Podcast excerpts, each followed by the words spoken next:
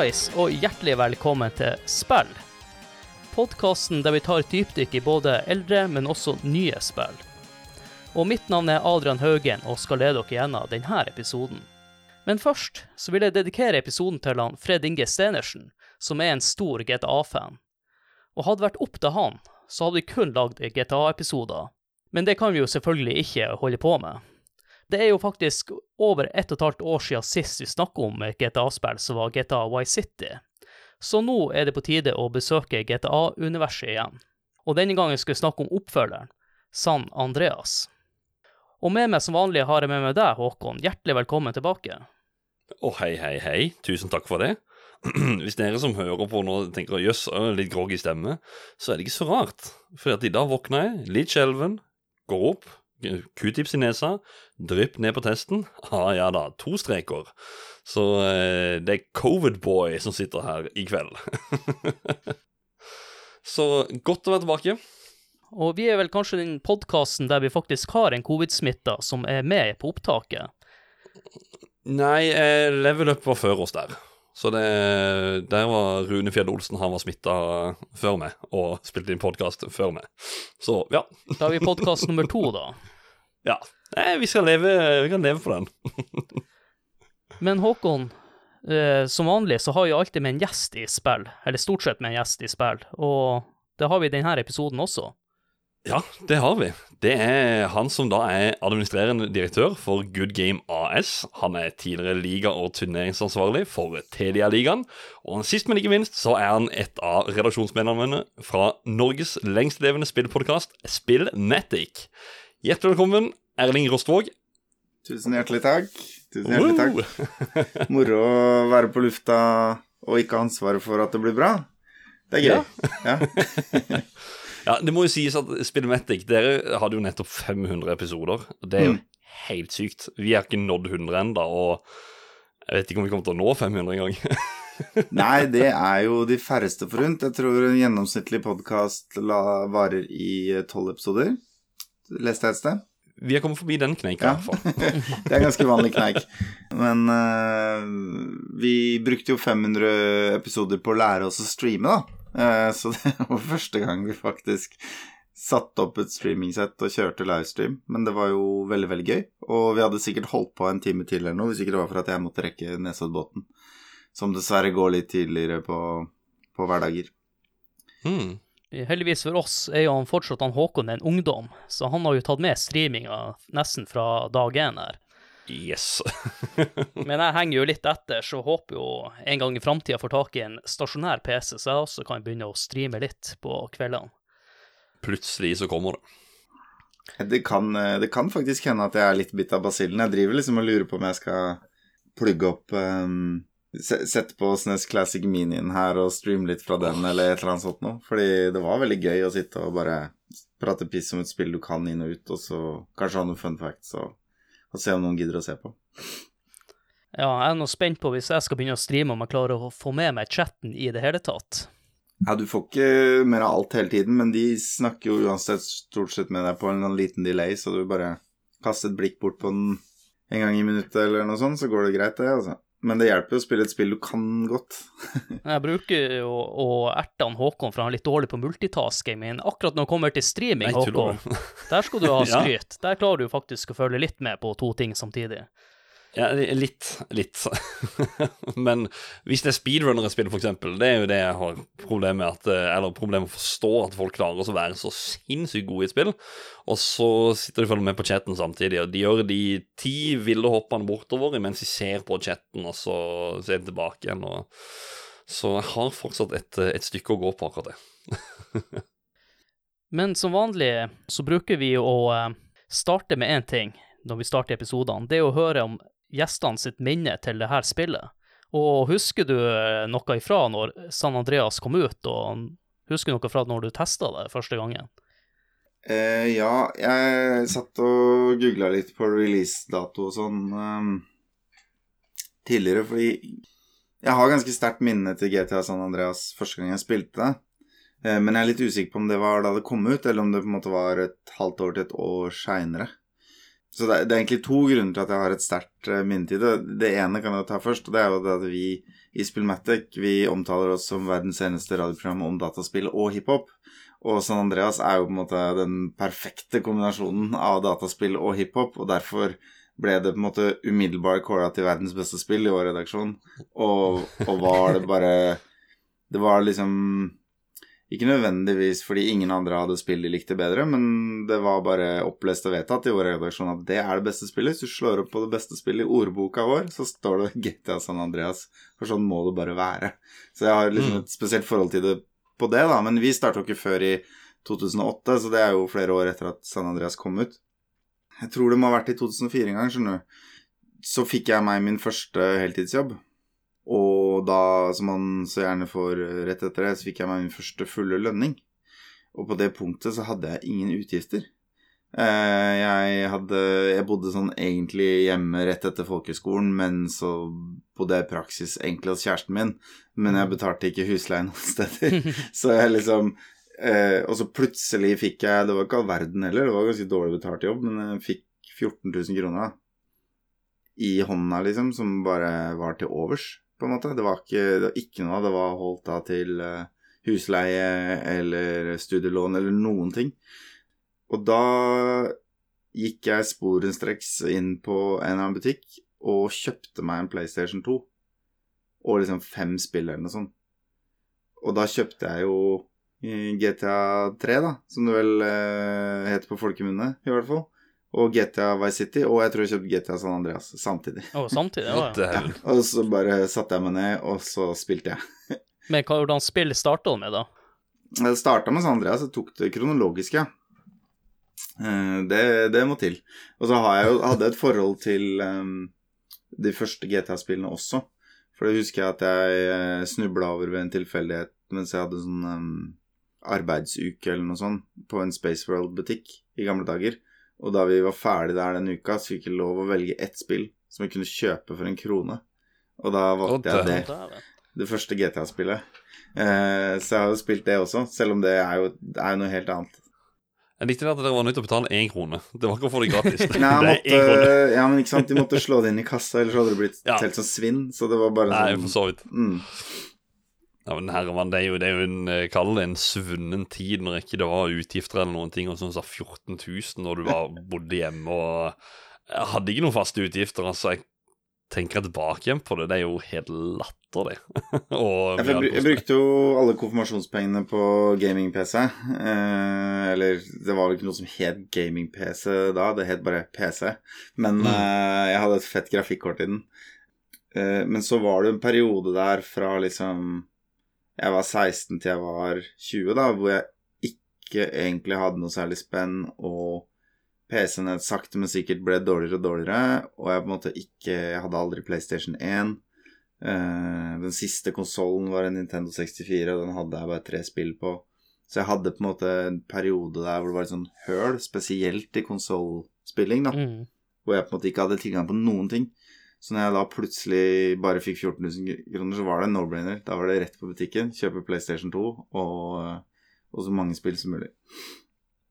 Det var også en tid hvor konsollene kosta gjerne tusenlappen eller 1500 også, så man fikk jo sinnssykt mye for pengene. Ja, ja. Istedenfor i dag så er det 6000 for en PlayStation 5. Det er helt sinnssykt.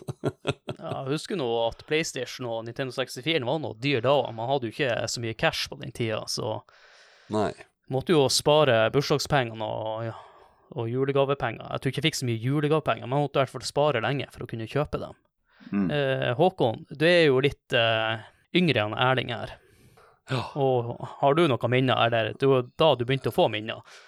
ja, altså Det Husker Da- fra minnet fra femårsalderen da du spilte GTA første gang? Ja, ja. Nei da. Um, ja, skal vi si det var eh, Jeg spilte jo, som vi har snakket om i Vice City-episoden, så, snakket- eller så spilte jeg det veldig mye på min bror sin PC. Og så uh, vi, vi eide aldri San Andreas sjøl, men det var et spill som jeg følte dukka opp hos alle folk. For det var uh, på en konsoll som alle hadde. Det var PlayStation 2, for det var jo det at det var en DVD-spiller i tillegg, så alle foreldre kjøpte jo denne her til ungene. Og så var det noe Det var enten så hadde de Singstar, eller så hadde de GTA San Andreas. Og ja, fleste kameratene mine som hadde PlayStation 2, hadde GTA San Andreas, og det eneste vi gjorde, det var å cheate og cheate og cheate litt til. Og så Men så gikk det liksom litt sånn, skal jeg si hus til hus, da, for når vi var sammen, kompisgjengen, nei, da skulle du bare cheate. Men når noen satt alene hjemme og spilte det, da gikk de for missions og sånne ting. Så var det progress da, ut, ut av det. Som da folk satt hjemme og spilte alene. Og så kom vi og cheata. Var det på PC du spilte når du Nei, juksa? eh, PlayStation 2. Og så var det det at det var uvant for meg også, det at uh, å gå ifra PC, eh, som jeg spilte eller Vice City på, uh, og så var det PS2 hos alle andre, så var det sånn Ja, det, det fanga ikke akkurat like mye, men eh, jo eldre jeg ble, så fanga det litt mer på nytt. Og det kommer vi tilbake igjen senere. Jeg kommer til å nevne litt mer om SAMP, som er San Andreas Multiplayer. Det spilte vi i tror det var 2009 eller noe. Åssen var det man juksa i det spillet igjen? da? Var det sånne innebygde koder som lå inne i spillet fra før av, eller hva var greia? Og det var bare å trykke inn eksempel opp, opp, ned, ned Ja, si, si nesten sånn som Konami-koden. Altså Ja, opp, opp, ned, ned, venstre, venstre, ø, B, A, start. Det var liksom litt sånn den kombinasjonen som var på PlayStation 2. På de har PC. slutta, de har slutta med det. Altså, hva, jeg før så jeg hadde så alle spill lite Jeg har spilt så lite GTA 5 at jeg vet ikke om de har det der engang. Nei, men altså, før så var det sånn i alle spill at det fantes enten en kode du kunne skrive inn på PC, Ja. Bare for å få uendelig penger eller et eller annet sånt. Eller, ID, eller bare og Sånn. Ja, ja.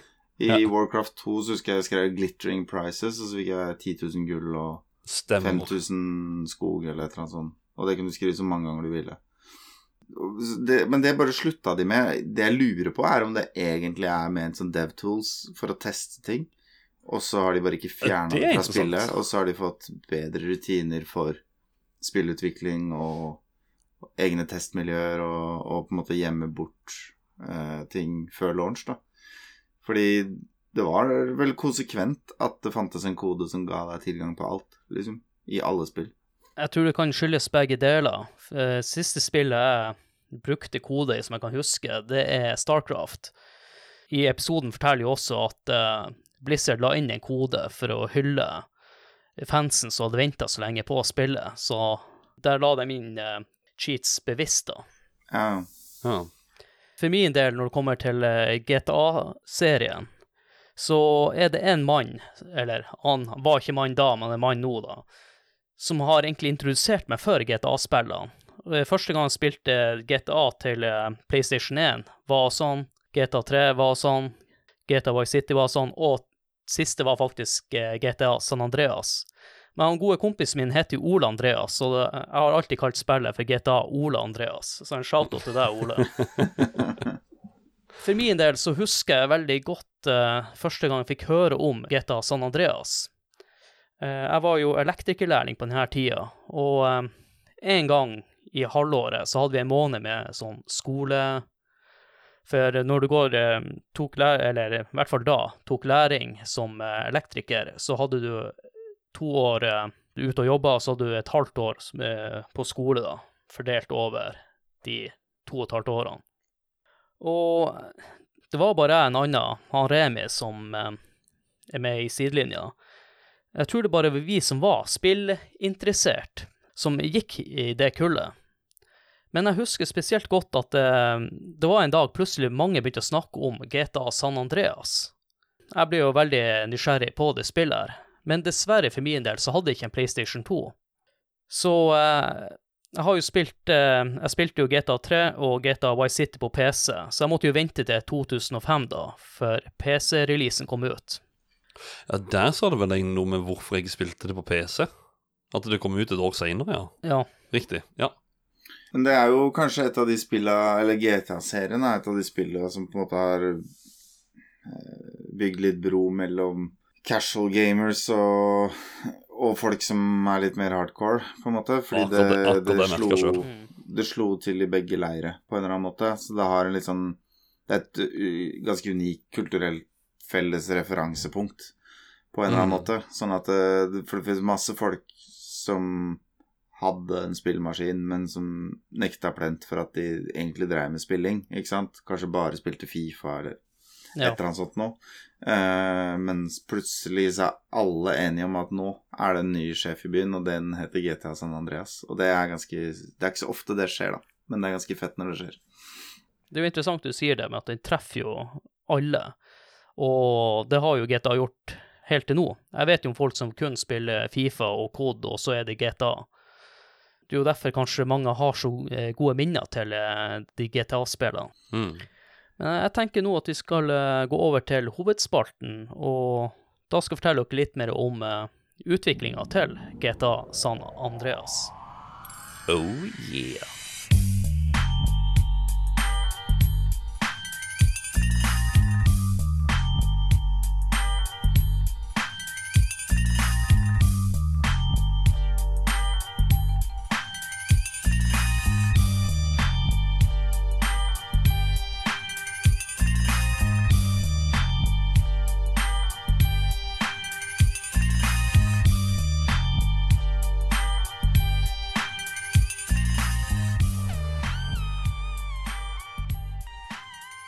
GTA San Andreas er utvikla av Rockstar North og publisert av Rockstar Games. Producer var en Leslie Benzies, som hadde hatt samme rollen når de utvikla GTA Y City. Utviklingsmotoren som de benytta, var Renderware, som også ble brukt i GTA 3 og Y City. Og Rockstar de henta inn mye inspirasjon til spillet fra filmer som Menace 2, nei, Menace 2 of Society, som kom ut i 1993, og filmen Colors fra 1988. Den siste filmen den handler om politiets kamp mot gjenger i Los Angeles. Og andre filmer som er verdt å nevne, er filmer som Pulp Fiction, Conner, Boys in the Hood, Terminator 2 og Training Day.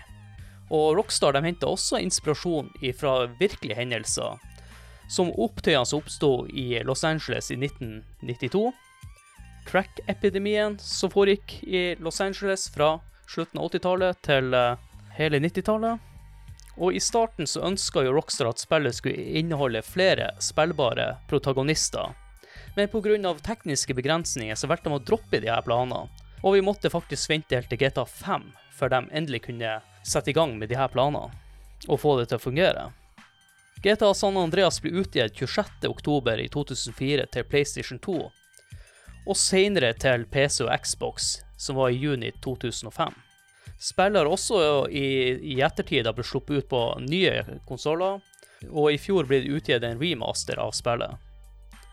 San Andreas er det mest solgte spillet til PlayStation 2, noe som er veldig imponerende med tanke på at PlayStation 2 er den konsollen som har solgt best noensinne. Og det her er jo litt tynn suppe fra meg, og um, det var veldig vanskelig for en gangs skyld å finne så mye informasjon om utviklinga av GTA San Andreas. Og så lurer jeg på, er det noe nevnt nå, eller det lille nevnt noe som er nytt for dere, eller er det noe dere har lyst til å tilføye? Jeg syns det er sykt at uh, det mest solgte spillet til verdens mest solgte konsoll har så lite uh, historie bak utvikling. Altså Bare ta Donkey Kong Country 2 som et eksempel, for eksempel. Som et eksempel, for eksempel. Uh, ta det som et eksempel. Uh, da snakker Altså, da har du jo det er jo et hav av sånn Silicon Graphics, for eksempel, bare for å nevne det som én øreliten ting der. Massivt. skulle du tro at et av verdens mest solgte spill til verdens mest solgte konsoll skulle ha litt større backstory, men uh, nei. Dette må jo henge sammen med altså forventninger på en eller annen måte, uh, tenker jeg. At uh, Ikke at det ikke er store forventninger til det neste GTA-spillet innen vi kommer til San Andreas, men de kom ganske kjapt etter hverandre. GTA3, Vice City og San Andreas. Mm. Og hvis Rockstar da i tillegg ikke har tisa det noe særlig, så kanskje det Man har ikke blitt helt mett på Vice City, da, før San Andreas kommer, og dermed har det heller ikke vært Og, og selvfølgelig i 2004 så var det ikke det samme trøkket på fra pressen rundt dataspill heller, så det har liksom kanskje ikke vært så mange som har stått og skrapt på døra og prøvd å finne ut detaljer, da. Så de har på en Mm. måte fått lov å bare holde på å lage dette spillet i ro og fred. Men med en gang de slapp noe info om det, da de bl.a. slapp at hovedpersonen skulle hete CJ, så begynte det å svirre litt rykter og sånn. Eh, det gikk jo annet et eh, ganske sånn standhaftig rykte om at det egentlig skulle være 50 Cent som skulle være hovedpersonen. Ja, Eh, både fordi han ligner litt, eh, og fordi 50 Cent heter jo Curtis Jackson, som jo er initialene CJ. Eh, og 50 sjøl eh, hevda i et intervju at han hadde blitt spurt om å gjøre det, eh, men det har blitt avkrefta fra Rockstar, da, så ehm, eh, Så 50 nøyde seg med å lage Bulletproof-spillet isteden. Ikke like Men bra. eh, ikke like bra. Og så lagde den klassikeren eh, i store gåseøyne Blood on the Sand. Ja, navnet kjenner jeg igjen, men eh, jeg husker ikke spillet i sin helhet. Jeg men, tror det er eh, Bulletproof, med, men litt mer åpen verden. Ja. Men jeg er bare mest fascinert av at det ikke heter Blood in the Sand. Men, men jeg tror jo at det, det kan jo hende at mye av historien bak si som engine og sånt som de har brukt, Mm. som da var Renderwave, uh, men at de eh, Jeg vet ikke hvor mye jeg skal si eh, altså Grafikk og sånn skal vi snakke om litt seinere, kanskje, men jeg vil ikke si det var et gigantisk hopp ifra uh, Vice City på noen måte. Og det er jo en eh, Eller jo, litt mer detaljer for all del, men sett med dagens øyne, så ikke de største. Men så er det jo også det at de har endra på Vice City var jo veldig sånn Miami Herregud, hva er det serien het? Miami, Miami Vice, Vice, ikke? Ja. Mm. Ja, Miami Vice og Scarface, Gudfaren, alle de der. Og her bruker du åpenbart, ja, som du da nevnte, Menace to Society, det er eh, Boys in the Hood Du har jo det ene oppdraget som er Det er jo som å se Terminator 2. Eh, ja, så det er jo sikkert bare det at de endra på den formelen, da. Og så funka det så jækla bra. Jeg tipper de har jobba med flere av de tingene som var nytt i GTA San Andreas under utviklinga av Vice City også, men ikke rukket å få det inn eller et eller annet sånt noe. Fordi det er ganske mange store forandringer i eh, kar altså karaktergalleriet, hvor, hvor spot on parodier en del av karakterene er og sånn, og ikke minst nye, ny funksjonalitet, da, som at Mm. du leveler skills og sånn. Det er sånn Det virker nesten litt rart at de har klart å lage et så stort spill på så kort tid. Så tenker jeg at mye av de teknologiske nyvinningene sannsynligvis har vært i støpeskjeen under utviklinga av de tidligere spilla. Men før vi går litt mer i detalj nå, som hører han Erling er klar for, så tenkte jeg skulle tøye lytterne igjennom Lorn. Ja. Vi har jo nevnt at handlinga foregår i San Andreas, som faktisk er en delstat. Og handlinga foregår i forskjellige byer i denne delstaten, da. Hvor vi følger han eh, Carl Johnson, ikke han Curtis Jackson, som eh, Mm. de hadde kanskje planer om. Det her foregår i året 1992. Men han Carl Johnson, da, han er nødt å reise, eller han reiser fra eh, Los Santos for å starte et nytt liv i Liberty City, eh, etter hans lillebror, da, Brian, ble drept i 1987. Jeg lurer på om det var et gjengoppgjør, da. Så nå, fem år senere, så har han eh, Carl har fått en ny tragisk nyhet eh, hjemme om at mora hans er blitt drept. Så han bestemmer seg for å dra tilbake til hjembyen sin, i Los Santos, og til sitt nabolag Groove Street. Så hjemme der eh, er ikke alt som det skal være. Hans familie er i oppløsning, og den gamle gjengen sin Groove Street Family er på nedadgående kurve, og har vært det de siste årene, da. Så når han CJ er på vei hjem, så blir han stoppa av en korrupt politibetjent da, med navnet officer Tenpenny. Og han blir anklaga for å begå drap på en politibetjent som han ikke har gjort. Så det her tvinger han CJ til å måtte eh, gjøre tjenester for Tenpenny, og det her medfører igjen at han ender opp på flere steder rundt omkring i eh, delstaten San Andreas. På jakt etter å reinvaske seg sjøl, og redde familien sin, og få Groove Street Family da til sitt, til sitt gamle Ja, for det er vel i hovedsak tre forskjellige Mm. krefter som på en måte drar CJ inn i, inn i kriminaliteten, ikke sant? Og så er det den klassiske GTA-formelen hvor eller, eller kanskje litt nytt, egentlig, for i GTA 3 og GTA Vice City så spiller du en fyr som vil opp i mafiaen. Eh, så da begynner du å Ja, gjøre faktisk. drittjobber, og så gjør du mer og mer drøye jobber, du, og så blir du rikere og rikere, og så blir du sjef, liksom. Mens CJ er jo en motvillig kriminell, på en måte. Han starter jo med å måtte gjøre ting for Tenpenny, med å måtte bare hjelpe en kompis og stå og holde Jeg husker ikke akkurat hva han gjør, men holde utkikk eller sånn typisk sånn, og så blir det og så er det noe dop inne i bildet, og så, Ja. og så liksom baller det på seg, da. Ikke sant? Og familien er vel den siste Den tredje kraften som på en måte krever ting av han. Og så kan man vel si om CJ at han er vel ikke den sterkeste personligheten i verden, for han sier vel basically Eller han sier nei ganske mye, men han gjør aldri nei. Nei. Han Nei. alltid opp med å bare ok, da. Uh... No, no! OK, man. OK. Men det jeg syns de forteller i det spillet her, er jo at han har en ordentlig backstory. Du skjønner litt mer eh, bakgrunnshistorien hans. Og de klarer å bygge den opp på en god måte, synes jeg. Sånn som i GTA Vice City, så skal du bare hjelpe en med å levere en pakke. Mm. Og så blir dere ambusha, og du starter derifra. Du må tjene opp pengene igjen for å betale, betale tilbake gammel gjeld. Mens her blir han litt mer frama, men i utgangspunktet så er han jo kommet hjem igjen da for å hjelpe familien sin. Han har jo vært en Mm. gammel um, gangster fra før av, så Men protagonisten i, i eh, de to forrige spillene er jo samme person, er det ikke det? Bare i to forskjellige tiår? det er to forskjellige personer. Det er det, ja. Ok. Tommy De er Versetti, like. og så har du Claude eh, et eller annet. Ja, ikke sant. Ja, der kan du se.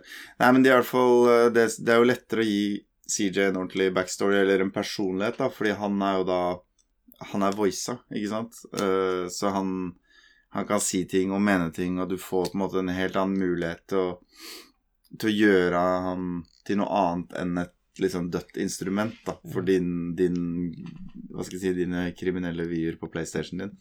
Så, og, Mm. så det hjelper nok ganske mye på. Eh, fordi det øyeblikket du begynner å skrive replikker til en fyr, så må du også tenke på ok, hvordan ville han svart, hva er naturlig reaksjon? Og da bør han kanskje ha en backstory, og så liksom Så jeg tenker det er en sånn ganske naturlig Det kommer litt av seg Ikke av seg selv, da, men det blir fort sånn hvis du først skal begynne å gi eh, den, det som tidligere har vært en stum, et stumt verktøy, da, en stemme og en personlighet, så må du på en måte flashe det ut litt. Mm. Jeg har en liten eh, fun fact da, om Groove Street Family. Ja. De hadde egentlig ikke det navnet opprinnelig. De hadde Orange Groove Family. Og der kan du faktisk se på noen graffititegninger rundt omkring i byen. Og CJ kan også få seg tatovering med navnet Red i stedet for Orange. Så de har vel kanskje hatt det navnet her en god stund før de eh, valgte å ta det ut av spillet og gjøre det om til Green. Det er jo greit å nevne Du nevnte en del filmer og sånn som er inspirasjonskilder. Eh, men det er jo ikke tvil om at det er noen musikkvideoer også, kanskje, som er inspirasjonskilder. Eh, den derre Blindgata som, eh, som på en måte er hans gjengs siste territorium før de presses ut av alle de konkurrerende gjengene, er jo et sånn mikrokosmos av alle musikkvideoene til Snoop og Dr. Dre. Ja. Eh, back in the day, når de var på sitt mest eh, spretne under palmetrærne, på en måte. Eh, og han ene fyren der som jeg ikke husker navnet på, han er jo helt åpenbart eh, modellert etter ECE fra Ryder. Herregud. NWA. eh, NWA. Eh, sånn at eh, Hvis du ser eh, den der Straight Out of Compton-filmen som kom seinere, da hvor de på en måte har brukt uh, legit locations fra liksom hooden til Dre under innspillinga og sånn, så kjenner du deg jo igjen hvis du har spilt GTA litt. Du føler jo at den gata der har jeg gått i, liksom. ja. Eh, Mm. Så det er, eh, det er veldig, veldig sterke eh, røtter eh, rundt NWA eh, i GTA San Andreas. Jeg har jo ikke hørt så veldig mye på NWA. Jeg er jo ikke sånn hiphop-fyr. Jeg er jo egentlig mest på trance, så det er jo egentlig en helt annen sjanger. Men, men når jeg så den Straight Outta Counten, da dro jeg kjensel på at Vent, da. Han er her, han, det var Easy. Det var liksom det Og jeg fikk den derre jeg, jeg har sett han et eller annet sted før. Det er ikke bare på et cover eller noe. Og så var det det så prøvespillet nå, nå nylig og, og sånne ting, og det, du, du ser det er så, det er så mye rip-off at det er Det er, Ja. det er ganske ekstremt, faktisk. Og det er jo morsomt, da. Det sier jo litt om ECE sin hva skal jeg si nesten karikerte framtoning. Når du kan se et blokk i gjengivelse av han i, i form av polygoner, og så kan du se en skuespiller som skal etterligne sånn han var. Altså det er jo utgangspunktet mulig å bomme fra begge sider. Og når du bare har sett de to som referanser, så er du fortsatt bombesikker på at det er samme person, da. Og det sier jo Mm. litt om hvor liksom Ja, nesten sånn karikert, da, han ECE var, med capsen og solbrillene og sånn. Ja. Men det er jo en ting vi er nødt til å snakke om. Det er jo den største endringen vi leser i det her spillet. Det er jo at eh, spillet foregår i flere byer. Gigantisk verden. Vi har jo nevnt eh, Los Santos, da, som skal jo reflektere Los Angeles. Så har du jo San Fiero, som skal forestille San Francisco. Og så har de tatt seg noen geografiske friheter her med at eh, de har inkludert byen Los Ventura, som er Las Vegas, da, men egentlig en annen delstat på ordentlig, som er i Nevada. Det er faktisk en by til, på andre sida av landet. Den har jo et oppdrag også i Liberty City, som er veldig kult. Ja, er det da du bare på en måte porta inn i en egen instans? Ja, du må ta et fly, og så eh, Riktig. ja. Og Liberty City er jo New York. Ja. Ja. Der handlinga i GTA 3 eh, foregår i. Men hva dere tenkte når eh, plutselig så hadde jo mappet her blitt mongosvært i forhold til GTA Vice City? Ja, for at jeg Husker jeg rett, så er det vel også sånn at du i Vice City, da ser du den store deler av mappet relativt fort, og at du, du ser at du kan gå over til andre sida, men du kommer ikke over der med en gang. Imens mappet inne på, på menyen, da Mm. Altså, jeg mener du ikke unlocker Eller du kan ikke gå så mye til sida for å se, se rundt, da. Så eh, Jeg husker i hvert fall bare at det var gigantisk. Det var, det var svært. Det var Til å være et ja, spill generelt på den tida, så var det gigantisk, rett og slett. Jeg, jeg også husker at det var en sånn glede eh, når du på en måte Du kanskje er litt lei av å gjøre ting for han samme håpløse, dårlige vennen din, liksom. Mm. Og så plutselig kommer du til et nytt område, og så popper det opp nye nye quest marks, da. Eh, sånn at eh, du kan virkelig liksom tenke åh, nå, nå er det et helt nytt område å utforske. Og det, den gangen føltes det som å få et ekstra GTA-spill, da. Du har på en måte spilt masse, og er jo egentlig fornøyd med det du har fått. Og så bare er det et helt spill til, nesten. Og, og jeg, lurer, jeg husker faktisk ikke, altså, men eh, det er mulig å ha rett at det var, det er et eller annet sånn fog of war på kartet eller noe sånt. Det var mulighet for å kjøre dit, men det er langt, og det er ikke noe vits, på en måte. Eh, var det hvis du svømte over eller et eller annet du, du, du kunne komme over der relativt fort, men hvis du gikk inn for der det var sperra, da fikk du Du er låst inne i Los Santos til å starte med, for at det er en kar jeg skal nevne senere, som gjør at uh, du har utreiseforbud fra byen. Ja, sånn er det de løser det. Jo, Mm. jo men, men du har en sperre ved broa og sånn, som, samme som i Vice City. Men at du, du kan fortsatt komme ned til vannet og svømme over, men gjør du det, så har du fire stjerner med politiet rett på deg, og politiet står rett og venter på deg, og, eller rett opp forbi og venter på deg, og skyter deg med en gang.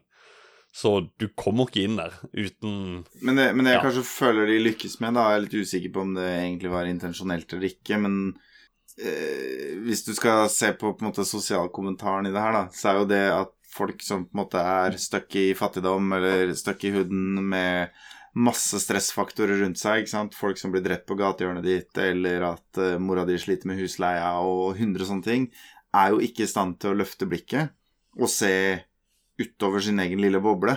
Mm. Og det føles jo veldig sånn når du spiller GTA San Andreas i starten, at den, den bitte lille hooden du bor i, er på en måte hele verden. Og det er Mm. ikke noe grunn til å sjekke ut noe utafor, og det er Du føler egentlig ikke behov for det, det skjer så mye hele tiden, og det er så mange stressfaktorer at du, du må bare håndtere skitt der og da. Sånn at når det endelig åpner seg, så er det litt sånn åpenbaring, selv om du intellektuelt kanskje veit at eh, ja, ja, jeg har sett at kartet er større, så selvfølgelig er det mer her, men det er likevel en sånn slags aha-opplevelse, da, å, å endelig komme seg ut av byen og oppdage andre ting. Det jeg også syns var kult med det her mappet, er at du har områder imellom byene. Så du føler faktisk at du reiser fra en by til en annen by, at du ikke bare hopper rett til en annen bydel, som er plutselig skulle vært San Francisco. Og det syns jeg var litt artig av til å være en trucker, høre på countrymusikk og kjøre fra en by til en annen by i en sånn svær lastebil. og Ja, og, og nivået på countryradiostasjonen er jo helt legendarisk. Eh, hvis, du, hvis du faktisk hører på teksten der, sånn, så er det så er det ting som bare er helt genuint ekte countrylåter, og så er det andre ting som er parodi, straight up parodi, og så er det ting som er sånn midt imellom, som du egentlig, egentlig helt veit hva, hva skal være. Men det er, det er, fantastisk, liksom. Det er så mye fete tekster og sånn.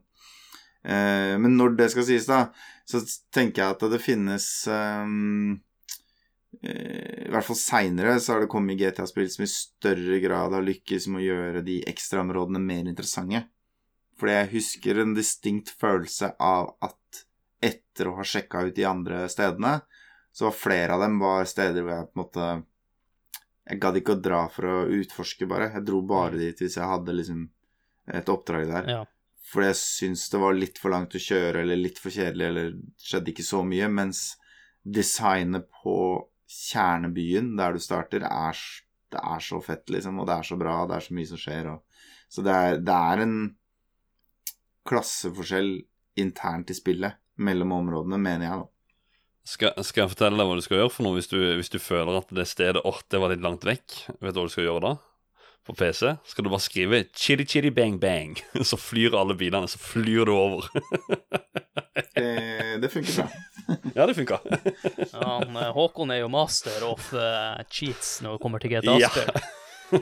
Men en annen ting som jeg har lyst til også å trekke fram, som uh, var kult, husker jeg, men også kanskje litt slitsomt etter hvert det er jo at eh, du måtte eh, hva skal jeg si, kjempe for eh, bydelsområder, for at området i en by var kontrollert av forskjellige gjenger som var angitt på kartet med farger.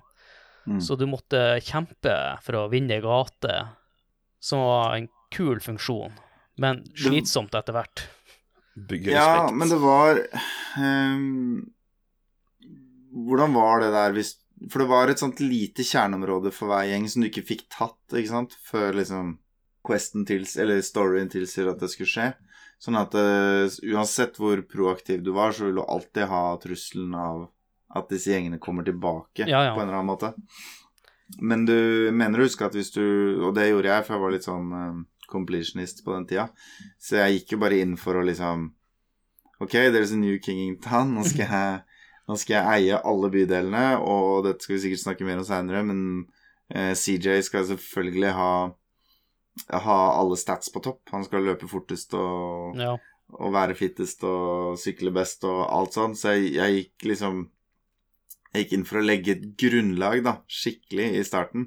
Og da mener jeg å huske at du ikke får så mye Det er ikke så ofte at en gate blir contesta, da. Og det virker også som det er noe triggers på at det ikke skjer liksom midt under oppdrag og sånn. Det er bare når du dimler rundt i, i byen. Men det er en, en lita hake med det her, at for å unlocke siste missionet, så må du ha mm. kontroll over en viss antall områder. Og det er litt sånn eh, Det er noen som eh, likte det her, og det er noen som hater det her med at du måtte Jeg kan kategorisere meg ikke som at jeg hater det, men altså det var jo som, som jeg sa, at det var den derre Vi cheata mye i det, men vi gjorde jo missions, men vi kom jo aldri til det fordi vi liksom klarte hele spillet. Akkurat samme som med Vice City. Det var jo som I Vice City-episoden så var jeg jo Det var først da jeg lærte at Uh, Lance, at han uh, stabs you in the back. Det, det visste ikke jeg før den episoden. Så, og at siste, uh, ja. siste, scenen er 100% modellert etter Scarface. Ja. Mm. Nei, men det, dette er fra en tid i livet mitt hvor jeg runda alt jeg satte meg ned med, liksom. Jeg ga meg ikke før jeg var ferdig.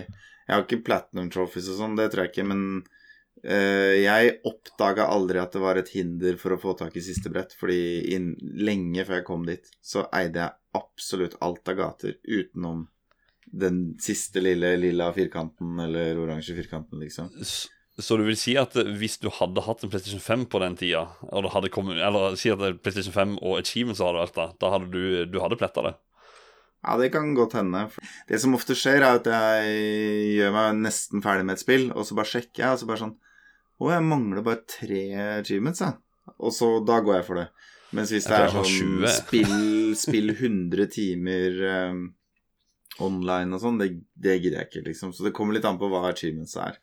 Mm. Det jeg også glemte å nevne i stad, er at uh, siden spillet er dobbelt så stort, så tror jeg også er Jeg tror GTA Vice City beregna til å ta 30, 30 timer å klare, hvis du bare gjør main missions Mens i GTA San Andreas så tar det 60 timer. Nei, vet du hva, du kan, du kan faktisk halvere de. Det her, her det sjekka jeg nå nylig, for det ja. er vurdert Men faktisk på å gå seg gjennom spillet. nå tar vi ikke med koder Så- her, Håkon. Nei, nei, nei, nei, nei. Nei, nei, men de var inne på How Long To Beat, så jeg, jeg kan ta feil, men jeg mener det var halvparten av begge det du sa der. Det var 15 timer på Vice City og 30 på San Andreas. 31 Men ja, timer på main story i San Andreas. Ja, men nå, nå tenker ikke jeg på spe speedrunning her, nå tenker jeg på uh, vanlig spilling. Nei, vanlig, vanlig playthrough. Ah, ja. Hvis du tar main story pluss litt ekstra, så anslår du det til 46 timer. Og hvis du er completionist, så anslår de det til 80 timer, da. Ok, Oh, God damn. Eh, det er San Andreas. men da sier vi 60. Det høres jo ut som et Ja. Du må jo ta litt mer, du må jo ta alle gaten, så. Ja, ja, ja. Men en annen ting som jeg også hadde lagt inn i spillet Du nevnte jo, Håkon, du likte å ta cheats, men du har jo også muligheten til å fly bang, mellom byene. ja. Og en liten kul ting med når du tar de flyene, at du også kan hoppe ut av flyet. Ja, men Du kan jo bare ta og skrive 'Oh dude'. Da får du jo helikopteret, så flyr du da òg. Nei, men du kunne hoppe i fallskjerm, kunne du? Ja, ja, ja. Mm. Det kunne du faktisk fra den ene bygninga som er i Los Santos, hvor du eh, går inn fra bunnen, og så plutselig er du oppe på tak, og der er det en parachute.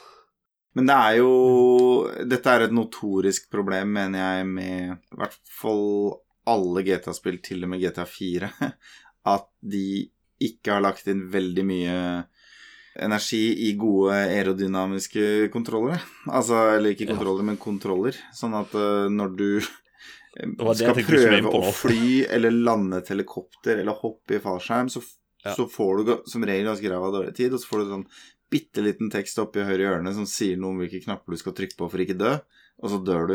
Mm. Og det, mm, det er kanskje, hvis jeg virkelig skal kritisere de spillene for noe, så er det det at du Hvis ikke du aktivt leter etter muligheten til å fly tidlig, og øver, liksom, så vil du Mm. før eller siden havne i et oppdrag hvor du måtte er mer eller mindre sjanseløs på å klare å kontrollere farkosten din uten å drepe deg selv, da.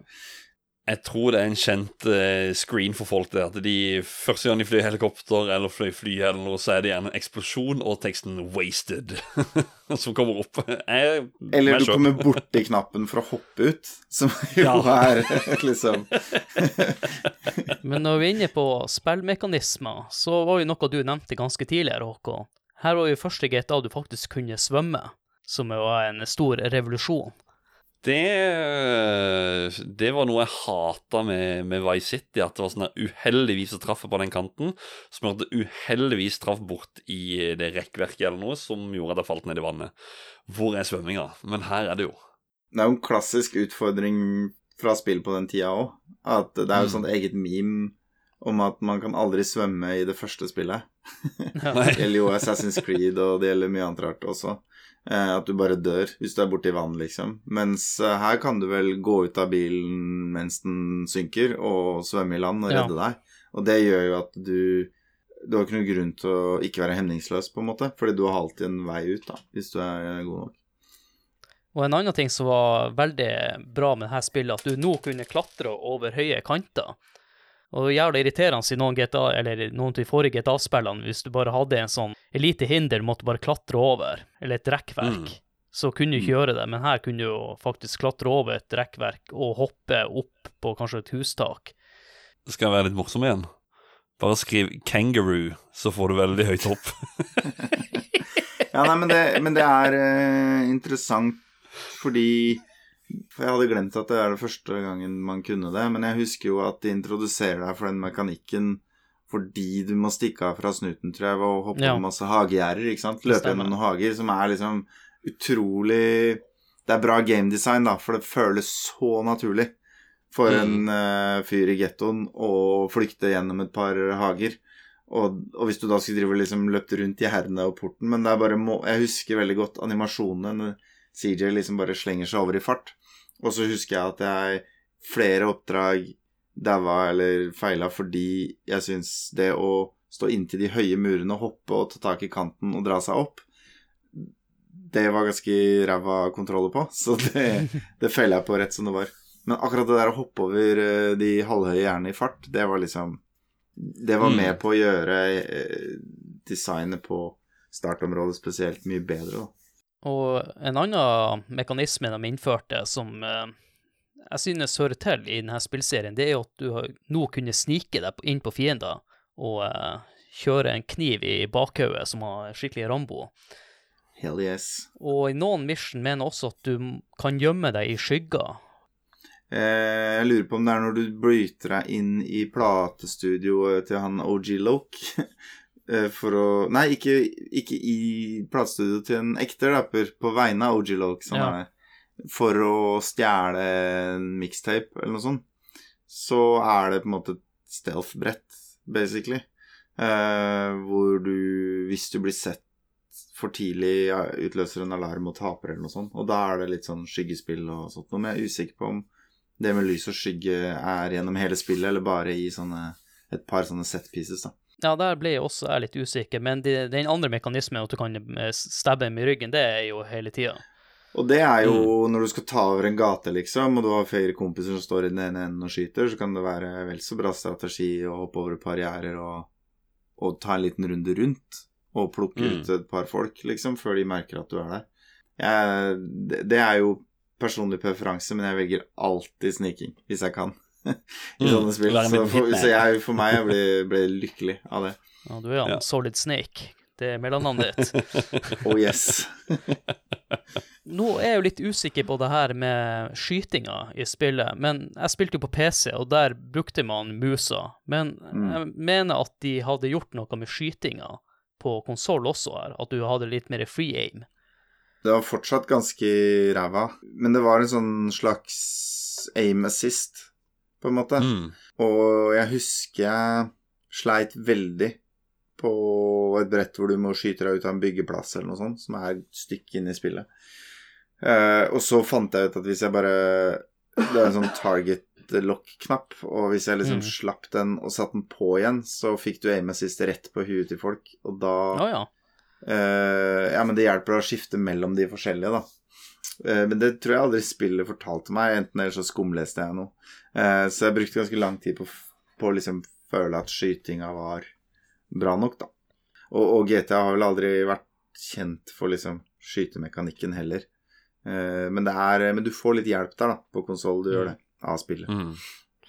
Jeg husker på PC, det var jo Det, det funka, men det er jo sånn Du, du merker jo hvis ja, du, du sitter ikke med noe 60 frames, og, og det, det går liksom hakkende bilde på en måte, selv om det bevegelsene og alt sammen rundt, det er helt fint, men det er akkurat som at det går bilde for bilde, eller frame for frame, når, når du skal bevege på sikte. Sånn. Det er sånn hakkete følelse. ja. og kan ikke akkurat si at det er CS man spiller. Nei, så langt ifra.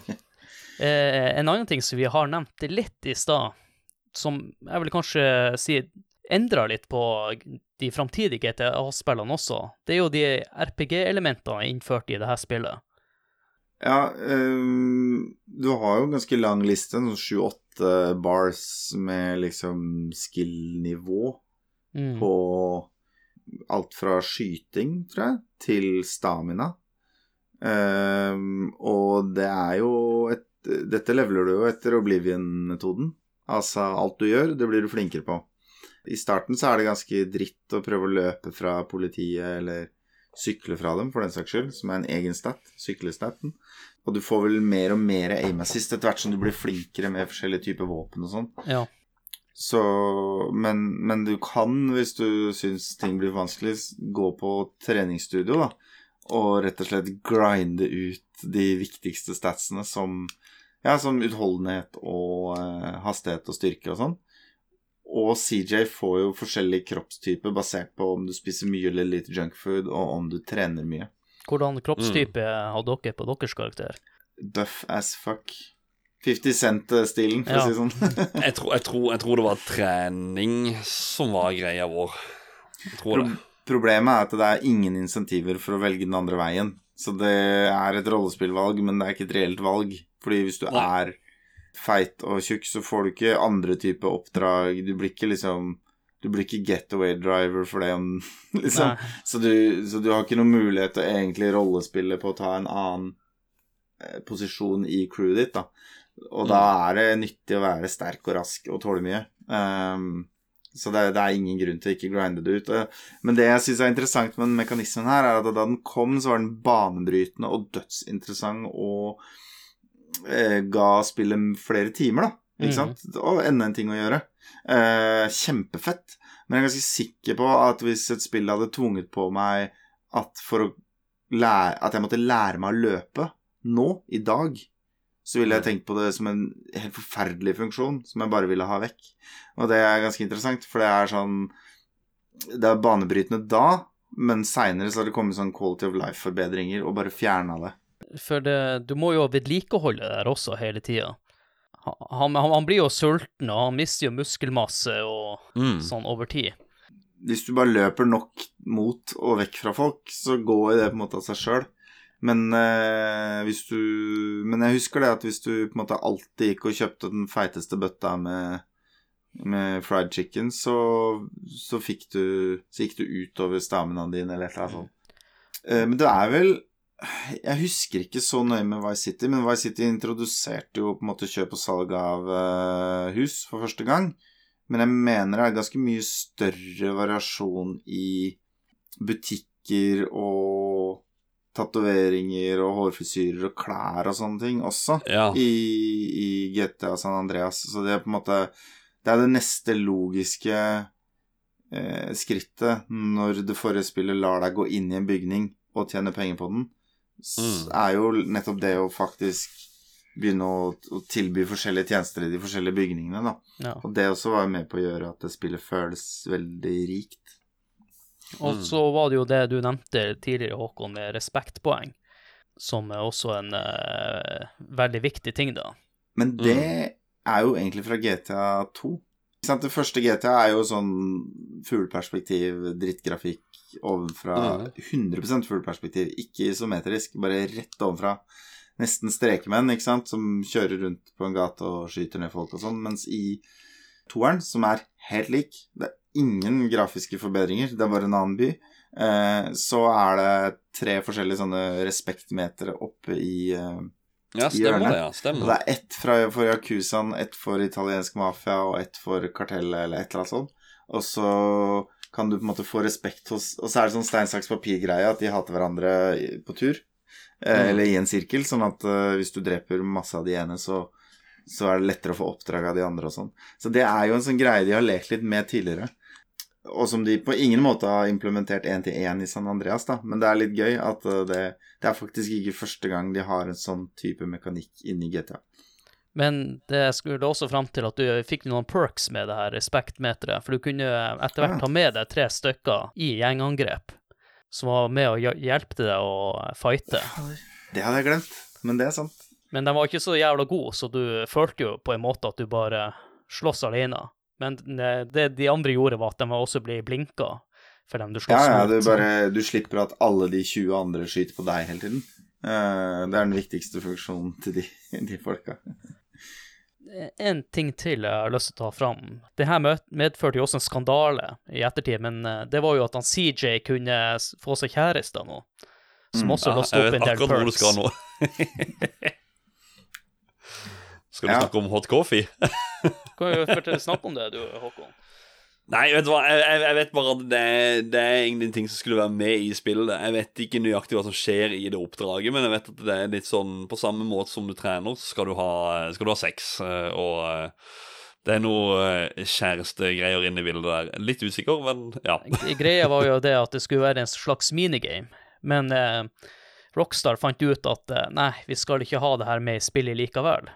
Men med en gang PC-versjonen kom ut, så var det jo selvfølgelig noen som fant de her kodene med en gang, og eh, låste opp de her. Så det er, ikke, det er ikke mulig å, få tilgang til det gjennom vanlig spilling, men du kan modde spillet sånn at du får tilgang til det. Og Mm. da er det rett og slett sånn at eh, som CJ så kan du vel velge om du skal kurtisere en av fem forskjellige damer eller noe sånt. Og, og den du til enhver tid er kjæreste med, kan du rett og slett bare gå hjem og ha sex med. Eller hjem til Mm. den personen. Og så er det sånn at du må liksom bevege stikka i takt med rytmen og sånn for å gjøre det bra. Eh, men det er ikke noe Jeg tror ikke det er et oppdrag eller noe, det er bare en fritidssyssel på lik linje med at du kan velge å spille biljard i GTA4, liksom. Det er mm. Mm. Så var jo også mange andre minigames som du nevnte her, Erling. mm. Med biljard og Ja, det var kanskje her allerede. Ja. Men de hadde ikke fått lagt inn eh, autosaving ennå, så i dette spillet så tror jeg de har opp mot 37 forskjellige savespots rundt omkring. Og savespots var jo normalt sett i bygninger som du eier. Mm. Og du har også muligheten til å låse opp våpen som, er, som du kan plukke opp, som ligger i husene rundt. Ja, for det er noe av motivasjonen for å kjøpe deg en mansion oppe i villastrøket, er jo å ha et, en garasje å rygge den fete bilen inn i, og Mm. eh, stokke opp på ammo. Um, for det var vel kanskje litt av problemet med forgjengeren, er at etter hvert som du på en måte fikk råd, endelig fikk råd til den feteste nattklubben, så hadde du ikke noe å bruke penger på lenger. Eh, Mens her var det på en måte, hadde husene en funksjon da, i seg selv, i tillegg. En ting til de, de la inn, det var jo multiplayer. I hvert fall under de Rampage-scenarioene så kunne du jo spille multiplayer. Men Håkon, du hadde vel spilt mer multiplayer på andre måter? Ja, jeg spilte online-versjonene. Uh, og når tid det begynte, det, det vet jeg ikke, men da Jeg vil si kanskje det er dette, eller så er det online til Vice City, som er liksom nesten forgjenger til hva GTA 5 eh, er i da, Det er jo, GTA 5 er jo ikke GTA 5 lenger, nå er det GTA Online som er Mm. tingen, på en måte. Og, og det er role-playing-tingen som er der, da. Og da Da var vi og en eh, Ja, vi var vel tre-fire andre, tror jeg, som, som var der. Og vi var for det meste rundt i Los Santos. Gjorde sånn diverse små missions der med å Ja, du skulle Fra A til B skulle du smugle drugs, da. Og så er det jo andre folk som spiller spillet, som er politi også. Du, og det er jo lettere å bli tatt av de òg. De kan egentlig frame det. Jeg, tror de må skrive noe, så må de bare være så så nære det i forhold til den i spillet sånn originalt. Så er det jo det at de stopper bilen, åpner døra. Det tar liksom lang tid å bli busta, da. Så eh, Nei, det er det, og så får du på en måte mer eh, respekt og mer eh, penger ved å gjøre missions mot å eksempel drepe en NPC. Det er jo med i spillet også. Sånn at du eh, Ja, du skal gå og drepe den personen der uten å bli sett. Eh, Han er der borte, så får du så og så mye penger for det. Og så er det gjengoppgjør og Ja, og folk, folk er jo Går jo fullt inn i gangstermodusen, da, så det er sånn der eh, You wanna cap that bitch, huh? Eh, og og eh, nigger og Du er i hooden. Men claimer du en farge, eh, og så er du stuck med den i alle online games, liksom? Eller hvordan er det? Nei, det er, der er du bare i crew. Og så er det vel Du kan vel gå og kjøpe tøy på lik linje, så, men du, du er med i cruise, da. Mm. Så jeg husker han ene, om det var Mario Santo eller noe han kalte seg. Så vi prøvde å ha en sånn skikkelig sånn uh, Nå er vi så lei av den fyren her som henger ut forbi gymmen hele tida og er liksom Ja, den store, da. Og så skal vi prøve å, prøve å drepe han, og så bare Hey, you talking about my homie? Bla, bla, bla. Jeg bare, oh shit!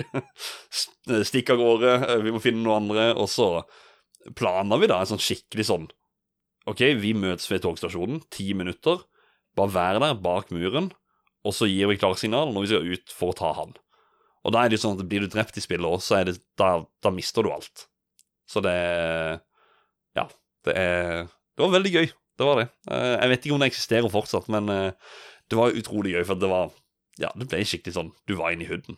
Det er ikke mange spill som praktiserer det der med at eh, hvis du dauer, så, så har det en skikkelig kjip konsekvens, da. Men de få spillene jeg har spilt som faktisk har gjort det, er De klistrer seg jo i minnet ditt for alltid, fordi du Ja. Du, du, blir så viktig. Du, det, det vekker noe dypt inni deg, liksom, som bare gjør at du må, du må ta det dritseriøst. Til og med bare det med Altså, alle dere som hører på, som cheata i GTA, dere vet følelsen at du har cheata med å få så så mange Eller du har fått våpnene, du har fått body armor og sånne ting, og så dør du. Faen! Må jeg skrive inn den koden igjen der, og den koden der, og den koden Det er jobb. Men det er jo så, ja, som du sier, det med også faktisk det du, det du plukker opp, og det du kjøper, og penger du mister, og alt. Det er Det er viktig å save til hvert tidspunkt. Men jeg syns det er morsomt, Håkon, når du nevner alt med cheats, for at jeg har aldri spilt det her spillet med cheats, jeg kjenner meg ikke igjen i det hele tatt når det er snakk om det her eh, kjipe greier. Nei, nei, men det, det, jeg tenker det, det er viktig å ha Men kunne du to- cheate på online-modusen, liksom? Nei, nei, nei. nei. Der, der var det Altså, det var som eh, Si, si at det er, det er som i starten av spillet. At du er liksom med, med Mm. gjengen din, og det er andre gjenger rundt, og det er egentlig sånn, bare det er, det er fritt, på en måte. Og så er det politiet som, som kan ja, fengsle deg. Så er det jo gjerne Du havner inn på um, Herregud, hva er den der eh, basen heter? Area 69, er det ikke det? Ja. Ja. Det er hvis du blir busta for Jeg tror det er mord. Hvis du blir tatt for det, da har du to timer i fengsel. Så da Holy er du shit. der ute. To timer, Ja, blir... helt der ute. Kan du prøve Ja, å stikke av sånn? Ja, du kan hoppe inn i bilen hvis en kommer og henter deg, men går du ut av bilen, så flyr du tilbake igjen. Så det er sånn herre Oi, shit, hva gjør jeg nå, da? Og du har jo mista alt sammen, så det er jo egentlig ingen grunn til å ja, bare løpe rundt der og se. Det er liksom ingenting å se på.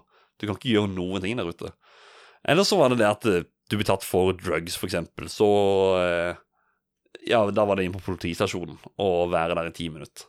Så du blir straffa i, eh, i spillet, og det er utrolig kult. Men jeg har lyst til å trekke fram også kjøringa i spillet, eller måten å komme seg fra A til B på. Chir-chir-bang-bang. I Vice City så var det rundt eh, 100 forskjellige framkomstmidler.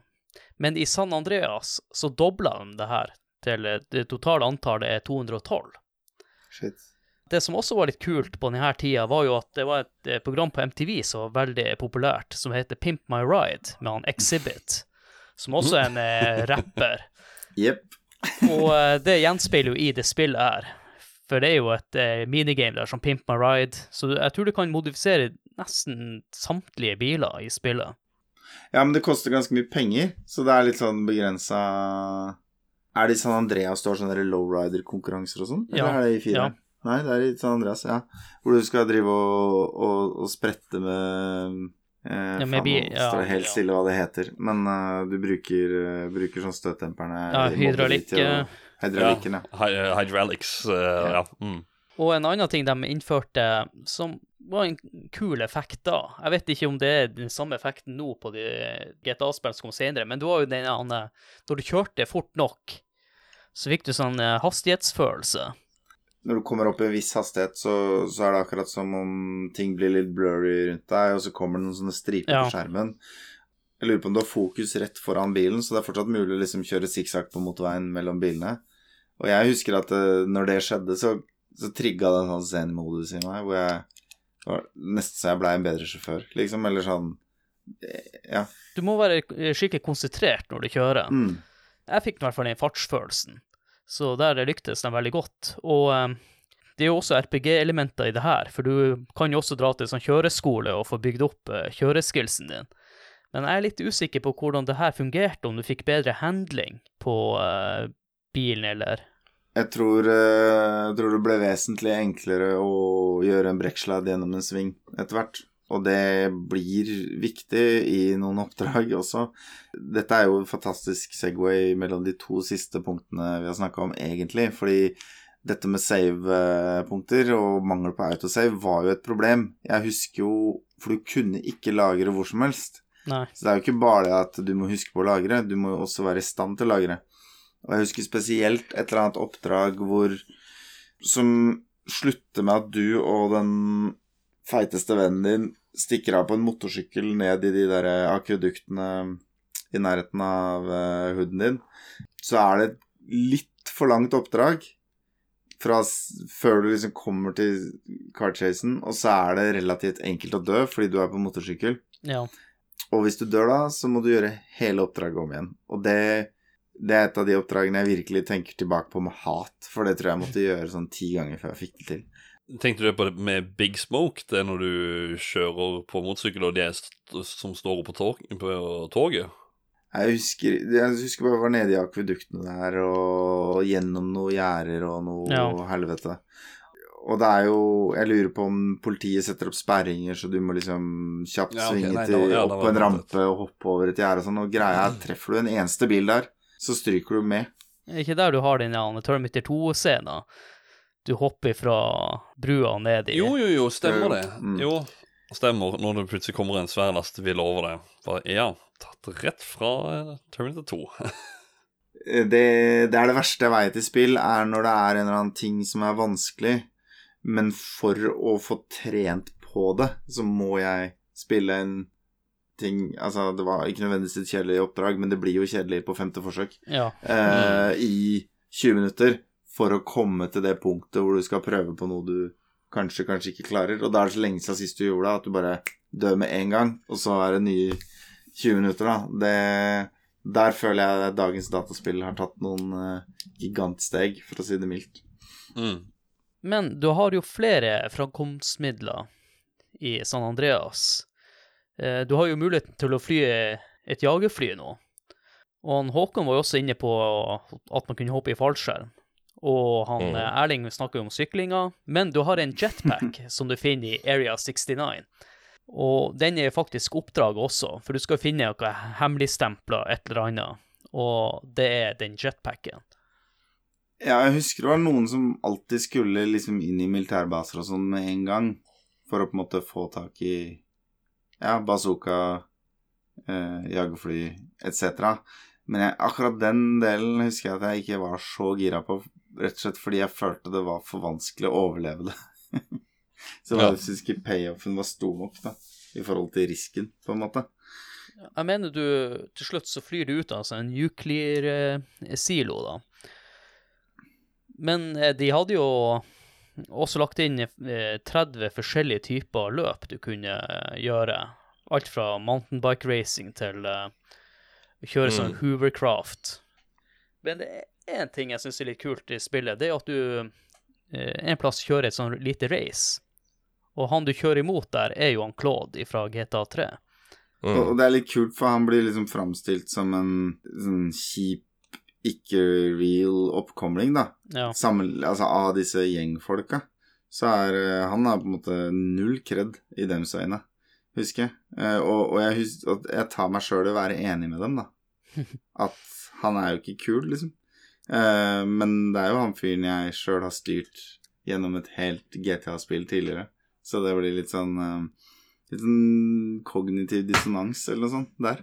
Det du sier med at han ikke er kul, det er jo også det som egentlig gjorde at jeg ikke spilte GTA3, for at jeg spilte jo GTA Vice City. Og det å gå Mm. tilbake igjen til GTA3 han, han ser Og fortsatt, jeg syns han ser bare kjedelig ut, rett og slett. Så til og med når den remasteren kom, så var jeg bare sånn Kunne ikke gjort det litt mer med han. Det var faktisk det første jeg sa i, i den traileren. Den første traileren som ble oppe, så var jeg bare kunne ikke gjort litt mer effort i å gjøre han litt kul, eh, kanskje skape litt mer personlighet. Så får vi se bare en all vanlig Ja. Han er token Italian guy, er han ikke det? Det er jeg litt usikker på, Nei, jeg tror ikke han er Jeg tror Det er jo han eh, Tony han i Vice City som er litt mer sånn Italian guy. Ja, det er jo litt der eh, Ja. Men jeg er litt usikker på han Claude, så derfor velger jeg å hoppe over til uh, våpnene, og vi kan snakke litt om dem. Men når det kommer til våpen og sånn, så er det ikke så mange flere Eller, eller utvalget er ikke så mye større enn i Vice City.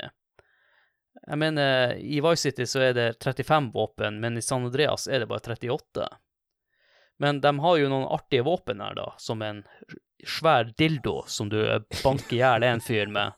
Og så har du en sånn blomsterbukett også som du kan eh, slå folk med. Men den dildoen blir vel Fy faen, hva er rekkefølgen her, da? Fordi det er jo signaturvåpenet til um... Å gud, hva heter den uh, GTA-klonen som Saints er Saints mye Row. mer Saints Saints Row, Row, ja. ja. Som er Ja. mye mer sånn tullete og useriøs. Der er jo på en måte det å løpe rundt med en svær lilla dildo er liksom et slags trademark for dem. Eh, Så spørsmålet er uh, hva kommer først her, egentlig? Hvem parodierer hvem? Det er nok Saints Row, tror jeg, som parodierer GTA. Ja, men så parodierer det så lenge at det blir en del av identiteten deres, eller noe. Ja, det er mye mulig. Saints Mm. Row er jo en uh, serie jeg ikke kjenner så godt, men en annen serie som jeg spilte Jeg var jo han der han er lojale Nintendo-fan, så jeg hadde jo Nintendo GameCube. Det er jo derfor jeg spilte GTA på PC. Og det var et spill som heter True Crime. Jeg skal akkurat så spørre. eh, La meg gjette True Crime. Ja, og der gjør jo Rockstar mye narr ut av True Crime. De har jo et sånt søppelfirma som heter True Grimes. ja. Og True Crime kjørte jo også noe spøker med logoen til Rockstar. ja, de kø- kødder med hverandre, da, i spillene. Ja, det var jeg faktisk ikke klar over i det hele tatt. En annen ting er jo når det kommer til våpen og sånn, du har jo også muligheten å dual-wielde noen våpen. Jeg lurer på om det er noe sånn han, eh, submachine guns, i hvert fall. Mm. Du kan dual-wielde. Og det kunne jo ikke i noen andre tidligere GTA-spill. Nå har jo spilt mye med cheats. Jeg kan ikke huske om, om, om, om man kunne det. Eh, eh, så- Sånn er det når man velger å spille spiller med cheats. Ah, yeah. Fordi det, Hvis du taster inn en kode, så får du alle våpna, så har du ikke noen sterke minner til første gangen du får tak i en, uh, i en military grade assault rifle, ikke sant? Fordi det er ikke noe befriende. Du har hatt den hundre ganger før. Ja. Uh, men, men jeg må jo si det at eh, hvis du hadde spurt meg hvor mange forskjellige våpen det er i GTA, både Vice City og San Andreas, så hadde jeg sikkert svart sånn mm, Kanskje ti. Fordi ja. mesteparten av de bruker jeg ikke. Nei, det er jo ting sånn som Du har kniv, du har en pistol, du har en Uzi. Altså, du vil jo heller hoppe opp til submachine gun eller oppå til en eh, rifle eller til sniper, til gjerne hvor du får eksplosjonen, altså bazooka. Det er jo gjerne der man går. Ja, det er liksom Du har molotov-cocktails og sånn for uh, spesielle anledninger. Og så Ja. den pistolen, den bare har du hvis du mot formodning skulle gå tom for. Ja. Og så har du kniven til stealth kills, og ellers så handler det bare om å ha den, det maskingeværet som raskest dreper ned folk. Fordi vi snakka jo litt tidligere om hvordan skytemekanismene er litt sånn så som så, så i GTA, og, og det det dermed handler om, er jo ikke egentlig hvor bra du er til å skyte og bevege deg. Det handler om eh, hvordan du kan unngå å få kritisk mengde kuler i kroppen innen Mm. det slutter å komme kuler mot deg. Og det er jo egentlig primært to ting som gjelder. Det ene er selvfølgelig Eller tre ting. Det ene er å gjemme seg, ikke sant, og så komme, titte fram og ta ut en og en. Mm, Det andre er jo, som vi var inne på, du får med deg folk som er bullet sponges, som tar opp uh, mesteparten. Eh, og det tredje handler jo om bare å redusere fiendens DPS, da, hvis vi skal bruke rollespillbegreper. Ja. At du, du liksom Du kommer i en stor shootout med 20 stykker, så har du på en måte 20 sekunder på deg til å ta ut i hvert fall fem av de, ellers så er du sjanseløs. Ikke sant? Du må få ned antallet mennesker som står og skyter på deg, så fort som mulig. Og da er det bare én ting som gjelder. Det er et maskingevær som dreper raskt, liksom, med få treff. Mm. Eh, og alt annet er liksom uinteressant. Så du har noe hagle, og du har en to-tre forskjellige maskingevær og alt sånt, men det, det er ikke så viktig, på en måte. Så akkurat der er vel kanskje, i hvert fall for meg personlig, da, den delen som jeg trolig ikke hadde merka om de hadde gjort seg mindre flid med, da. En annen ting som de tilføyer til dette spillet, er at du faktisk kan bli et dødelig våpen sjøl. Du kunne jo gå inn på kampsportsenter og sånn for å lære nye perks eller triks, da. Så jo mer du bygde opp skillsen din, jo flere sånne slåanimasjoner slå-animasjoner fikk du. Mm. Jeg vet ikke om du også kunne ta noen sånn superknep, det er jeg litt usikker på. Jeg tror ikke det var noe Du har ikke noe sånn Hadoken eller noe Nei, liksom, ikke på det nivået. Knappe kombinasjoner, men, men det, det er basically at du får slag som slår hardere, og som og så kanskje også slår folk i bakken oftere, sånn at de ikke får gjort noe mot deg, da. Definitivt nyttig til tider. Ellers så er jo eh, skytinga og våpnene i GTA, det er som du sier, det er å finne de våpnene som får ned folk fortest. Mm. Finn det som gjelder. Ja, og så er det en evig problemstilling i GTA også, er at du befinner deg mye i trange bygater. Mm. og med litt klønete kontrollere. Og det gjør jo at alt som eksploderer, er farlig for deg også. Jeg hadde nesten flere selvmord enn jeg hadde kills med bazookaen, på en måte. For det er så fort gjort, da. Hvis du skal liksom løpe i en hektisk situasjon og sånn. Jeg, når jeg, når jeg tenker over hvordan jeg på en måte håndterte stressende liksom masseslagsmål eller shootouts i GTA San Andreas, så var det ikke noen sånn solid kameraføring.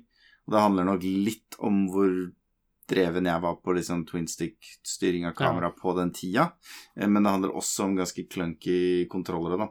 Sånn at um, det der å drive og skyte et bazooka rundt et hushjørne og akkurat ikke skulle treffe det hushjørnet og ta selvmord, det er liksom Det slutta jeg bare å ha som strategi, ikke sant. Man Eneste gangen jeg brukte sprengstoff, var hvis jeg sto i ro og mak på en bro eller noe og ventet på at noen skulle passere, ikke sant. Altså sånn 100% kontrollert situasjon, da gjør man det. Ellers så er det er eh, både granater og bazooka er på en måte egentlig bare øker sjansen for å dø sjøl, da. Og, og, NPC-ene i spillet har jo en sånn tendens til å bare løpe absolutt ikke i den retninga du skulle tro at de skulle løpt. Hvis du hører at de skyter der, Eller det sier at de skyter framover den gata, da, så løper de fremover den gata. Mm. Og så plutselig så klarer de da å vinkle seg inn når du da skal skyte med bazookaen. Så vinkler de seg inn, sånn at når du skyter, så skyter du ikke på objektet du skal skyte på. Du treffer hele personen som er rett foran deg, og boom, så er du wasted. Ikke sant. Ja. Du Erling, du nevnte jo i stad at du liker liker å snike i spill. Jeg har jo nevnt det i Vice City-episoden, men måten jeg ofte spiller mange GTA Mission på Hvis du har muligheten å bruke sniperrifla, så bruker jeg den. Ja. Sånn at jeg rensker områder for folk så mange jeg klarer, for så går jeg inn. Og, men jeg kjører ikke steltetaktikken når jeg skal inn i området og fighte. Da tar jeg en Arnold Schwarzenegger med ja Springer rett fram og med, gevær og bare gunner dem ned til siste Nei, mann. men uh, sniperrifle er jo selvfølgelig alltid et, uh, et godt alternativ, og jeg syns jo ofte GTA-spillet at jeg får det litt for seint, men det er jo ikke så rart. Det er jo sånn storymessig helt ulogisk at uh, at en fyr som CJ skal få hendene sine på en sniperrifle. Ja, Det henger jo ikke på greip, liksom. Så det må komme seint. Det må komme etter at du har sørget alle kamelene, og, og suspension of disbelief er bare helt ute av bildet. Uh, det er først da du kan få den, da. Em, men ja, jeg er også Jeg er glad i å snike, og jeg er glad i å snipe. Jeg er glad i å være irriterende dust, da, for å si det sånn. Men den uh, sniperrifla, jeg mener i hvert fall at den er veldig overpowered i de tidlige GTA-spillene. Ja. Fordi at uh, fiender klarer ikke å registrere, fordi at det er så lange avstander. Jeg vet ikke om det er noe uh, teknisk i spillet noe sånt som gjør at de ikke klarer å oppdage at du står og skyter på dem. Sannsynligvis har de en begrensa aksjonsradius på hva du Altså at de ikke reagerer på lyder Ja. lenger unna en sånn og sånn. Og det er jo Jeg tipper at hvis du playtest med en større aksjonsradius, så vil du oppleve at hver gang du løsner et skudd på et gatehjørne, så kommer de ti nærmeste kvartalene og skal ta deg, ikke sant? Og det Mm. ikke. Så hvis man da velger å ikke programmere to forskjellige reaksjoner basert på våpen, men heller bare programmere en begrensning i avstand, så kan du sitte på et hustak uten lyddemper og, og plaffe ned de aller, aller fleste uten at noen reagerer. Mm. Nå er det jo sånn at Vi har jo snakka litt om eh, kjøringa og skytinga, som er en viktig del i GTA. Vi må ikke undervurdere musikken i GTA-spillene. Og GTA San Andreas har jo også en, eh, ja, en god del bra musikk på radiokanalene. Ja, her er det jo tre ting som det er verdt å dra opp, føler jeg, da. Det ene er jo på en måte hiphopen som er sjela til hooden til CJ. Altså den hiphop-æraen som mer eller mindre har modellert kulissene du spiller dine første kanskje ti timer i det spillet i. Og så har jo GTA en tradisjon for å ha et par hva skal jeg si, current-kanaler, hvor du kanskje hører en ny låt for første gang, til og med, eh, som er skyhøy kvalitet på. Og så er det jo selvfølgelig talkshowene, da Mm. er jo en, en story for seg. Eh, med han Laszlo som en gjenganger, som vel er med i alle alle 3D-GTA-spilla. Og hvor de virkelig har gjort jobben med å på en måte eh, fortelle en historie om at han enten er ung eller gammel, eller hvorfor i alle dager er du på han på, plutselig på lokalradioen på andre siden av USA. Da er det en eller annen story bak det, liksom. Så hvis du, hvis du hører på taperen eh, og radioverten Laszlo snakke, så er det, det er en svær historie rundt det der. Og også fantastisk politisk debatt i, på radio Ja. i GTA. Så det, vi egentlig, det, det egentlig folk skal gjøre da, etter de har hørt denne episoden, her, skal de gå inn og skal de søke opp All Radio Shows Recordings fra GTA San Andreas. Det det er en podkast i seg sjøl. Finner du Ligger det sånn Ja, det i må et garantert fornuftig format på ut, eller? Det må sikkert ligge ute på YouTube ennå. Jeg liker at du lover ting, Håkon, som du ikke vet om du kan holde. Nei, det må ligge ute. Det er nesten for dumt hvis ikke du gjør det, altså. Det er akkurat som alle lydopptak i f.eks. Metal Gear Solid 5 og, eller kassetter og alt. Så, Ok, det ja. fins i hvert fall YouTube-videoer, én per radiokanal, da.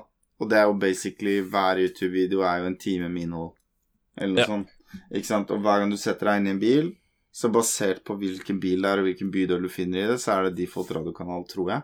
Ja. Fordi det er jo sånn at eh, hvis du er i latinokvarteret, så er det liksom en viss type musikk som alltid står Ja. på radioen og sånn. Men så setter den da på Den setter på et random sted i den timen med ofte unikt innhold da, som de har laga, og det er jo en av de tingene som man bare må ta av seg hatten for, Mm. altså for Rockstar. For det er liksom høykvalitetssketsjer, og det er altså da i hvert fall åtte radiokanaler som inneholder noe annet enn bare musikk, tror jeg, eller noe, og det er timevis, ikke sant, med, med velskrevne, kul satire på radio. Det, det er kjempebra. liksom. Du hadde jo på PC-versjonen Da hadde du det som heter MP3-player, som var at du kunne legge inn MP3-filer på, inne på programfilermappa. Og så Ja, var det en MP3-player-mappe, så kunne du bare legge inn filene der. Så eh, vi spilte jo som sagt ikke dette her på PC, men ja, annet enn den multiplayer-biten, da. Men eh, på Vice City, da gjorde vi jo det, blant annet. Men det er jo mye som vi bare hopper tilbake igjen til å høre på de vanlige radiokanalene, for at det, innholdet er bra.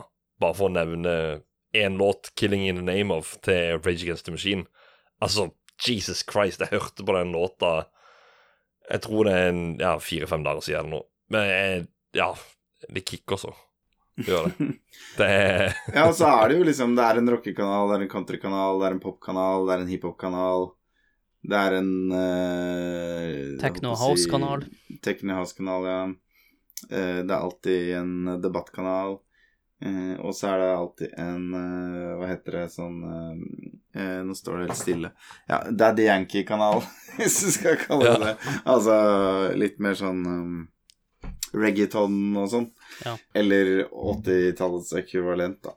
Ja, det er kjempegøy, og det er alltid Hvis du liksom bare vil høre musikk du liker, så finner du en kanal, liksom.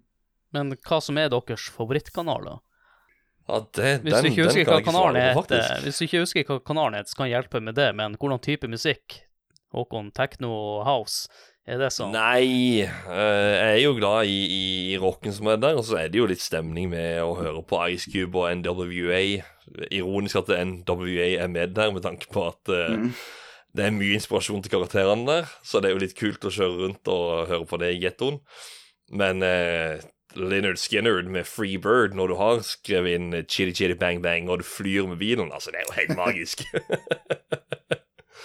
så jeg er både på rocken og hiphopen, egentlig. Jeg var vel på mye på Playback FM, da, som er hiphop-kanalen. men så mener jeg å huske at jeg hørte en del på popkanaler også, fordi der var det av og til noen nye låter som jeg fikk dilla på, da, som jeg ikke hadde hørt før og sånn. Så jeg var alltid liksom gira på Det var som regel én eller to nye rapplåter i GTA som jeg Mm. ikke hadde hørt, da. Så det gikk mye i det. Men så, hvis jeg skal kjøre langt, da er det country.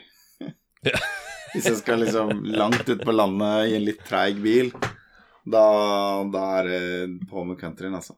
Ja, for min del så var det her spillet som fikk meg til å høre på um, Guns N' Roses igjen. Og det er jo Ja. på grunn av at Ja. jeg husker en reklame for San Andreas, så spilte de sangen 'Welcome to the Jungle'. Mm. Og en, et annet band som har uh, hørt på mye i ettertid, det er jo Depeche Mode med 'Personal Jesus'.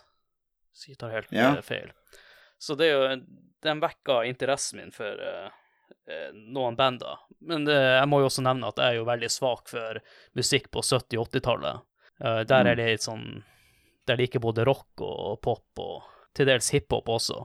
Jeg er ikke så glad i den hiphopen som er nå, da, men jeg liker mer den han, eh, med han Tupac og med han uh, Biggie Smalls og, og noe ut av det som var på 80-tallet.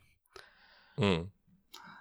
Jeg ser her nå Nå sitter jeg og leser Nå har jeg falt ned i et kaninhull på en wiki eh, om radiokanalene, og jeg ser jo her at eh, det hadde jeg glemt, men det er jo den ene WCTR, den talkshow-radioen, har jo en annen host. men han dør på lufta på et eller annet punkt i spillet. Og da er det Laszlo som kommer og tar over, da. Fyren du kjenner fra de to tidligere spillene. Så det er liksom Jeg lurer på om han dør som en resultat av noe du gjør, eller et eller annet sånt noe. Jo, jeg tror faktisk det. Mm. Så det er et oppdrag du gjør, og etter det så er det Laszlo som er tilbake på radioen, da. Det er jo helt fantastisk. Vi har jo ikke nevnt det så mye, men den, Rockstarene de har jo veldig mye humor i spillene sine. Og det er jo et veldig godt eksempel på god humor, da. Nå har vi snakka litt om radiokanaler, men jeg har jo lyst til å trekke frem voice-actinga, og jeg skal nevne noen få karakterer, da. Mm. Du har han eh, rapperen Christopher Bellard, som er kjent under navnet Young Melee. Det er han som har stemmen til han eh, JC. Eller CJ, eh? Mm. CJ, mener jeg. JC, det er jo uh, klesbutikken, det. Yes. Ja, eller eh, artisten. Eller artisten. Alt ja, ja. Ja, nei, det var noe Han er jo en fyr Han var en sånn up and coming rapper, var han ikke det? Som prøvde Ja. å breake, og han klarte aldri det, så han er jo mest kjent for å være stemmen til CJ. Men vet du hvordan han fikk eh, jobben som CJ? Nei. Jeg mener det var noen i Rockstar som prata med han på telefon. Så han prata bare vanlig telefon, men han hadde slått han på høyttaler. Mm. Og det var egentlig sånn han fikk eh, jobben, da. Jeg sier bare å shit, han høres så hood ut at han fyren her må vi bare ha inn, liksom. Ja, så det var sånn Det han så fikk eh, nice. den jobben. Men uh, i Vice City så fikk de jo mange kjente skuespillere til å voice. Og uh, San Andreas er jo ingen unntak, da. Og den kanskje største skuespilleren på denne tida er han Samuel L. Jackson, som spiller han officer Tenpenny. Ja Og kompisen til han Tenpenny, han uh, officer Pulaski Det her er litt spesielt, fordi at han spiller av Chris Penn. Og han Chris Penn, han er faktisk broren til han, eh, han Sean Penn, Ja, ja, som spiller i filmen Colors, som jeg nevnte tidligere. Og spiller samme type rolle som i den filmen. Og så har du en annen eh, rappartist da, som jeg hørte på på den tida, da, han, eh, The Game. Så spiller han Mm. Mark Beat, Beat-Up Wayne, tror jeg han heter. Men dette er vel før The Game slår han ordentlig gjennom, eller? Ja, det var nå vel rundt da, jeg husker ikke hva, het- hva den heter, men jeg husker jeg hadde han i, eh, som CD inn i MR2-en min. Mm. Og så har vi også han Ice-T, da, som spiller han Mad Dog. Og der blander vel han Ice-T og Ice Cube, er det det de alltid blander? ja, Ice Cube, eh, Ice Cube er han sinte fra NWA, og Ice-T er han som spiller i Law and Order. Ja, Eh, er som i eh, Rick and Morty parodierer ganske heftig. det er han Ja. siste der som er med her. Eh, Jeg har også lyst til å gå litt nærmere inn på noen av karakterene. Vi har jo snakka en god del om han, om han Carl, da. Jeg tror ikke vi trenger å gå noe mer inn på han. Vi må jo Nei. nevne broren hans, han Sean Sweet Johnson. Det er jo han som er lederen for Groove Street. Han er jo en litt sånn naiv fyr og veldig old school, da. Han er jo liksom Don Corleone, vi skal ikke drive på med drugs. Mm. Og det er jo kanskje noen andre i gjengen som mener at de bør drive på med det. Og det medfører jo en splittelse i gjengen. Ja, riktig. Jeg husker det når du sier det. Han prøver å holde på noen verdier, samtidig som det er jo helt åpenbart at de taper terreng, ikke Ja. sant, mens han gjør det. Sånn at det er jo ikke en strategi for å vinne. Um, og det er jo først når broren hans CJ kommer tilbake, at de begynner å, å, å få tilbake Eller liksom Ja, skal ta, vokse igjen. Ja. Ja. Fram til det så har de jo bare vært på vikende front, da. Og så har du jo de to andre som har kanskje litt større ambisjoner. Da har han Lance, ikke Lance sånn som i Vice City. Mm. Det er jo han, han er marihu- marihuanarøykeren med solbrillene og Ja, det er eh, han som er modellert etter Easy, da. Ja. Mm. Ja. Rider. Mm. Og så har du jo han Melvin, eller bedre kjent som Big Smoke, da. Det er jo han som har de store ambisjonene og opererer litt på si. Og han er det vel du sitter som du har bak på motorsykkelen i det oppdraget jeg hater. Eh, men han ender vel opp med å backstabbe deg også, gjør han ikke det? Ja, det, det er alltid noen som Det er et mission hvor skal drepe han, ja. Men han er jo den gøyeste når han skal bestille mat. Jeg, jeg husker det bare, så jeg måtte bare inn og finne det han bestiller av mat når de skal inn på en sånn ja, burgersjappe eller noe, så sier han I'll have two number nines, a number nine large, a number six with extra dip, a number seven, two number 45s, one with cheese, and a large soda. det er som OK. Så må bare ha en cheese and drive-thru. Bare ha litt mat. Og så har du jo De har jo ei søster også som heter Kendal Johnson. Og Mm. uh, hun er jo i lag med en, eh, en kar som er med i en annen gjeng, som heter Cæsar. Og han er Jeg husker ikke hva gjengen heter helt i farta. Jeg tror det er Warriors Los Aztecas. Han er ikke bare med i gjengen, men han er vel leder av gjengen også. Ja, han er leder i gjengen, og Mm. du gjør noe mission i Øyla lag med han, da. Og så har du han The Truth, som er en hippie, og gjør alt som en hippie gjør.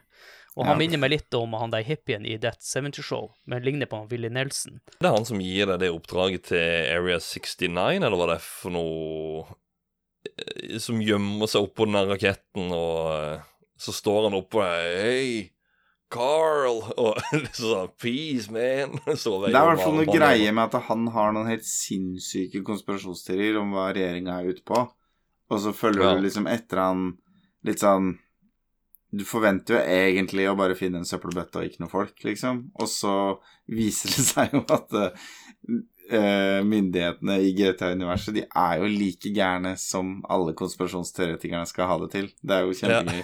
Ja. Erling, når du nevner myndighetene, så må du trekke frem han Mike Toreno.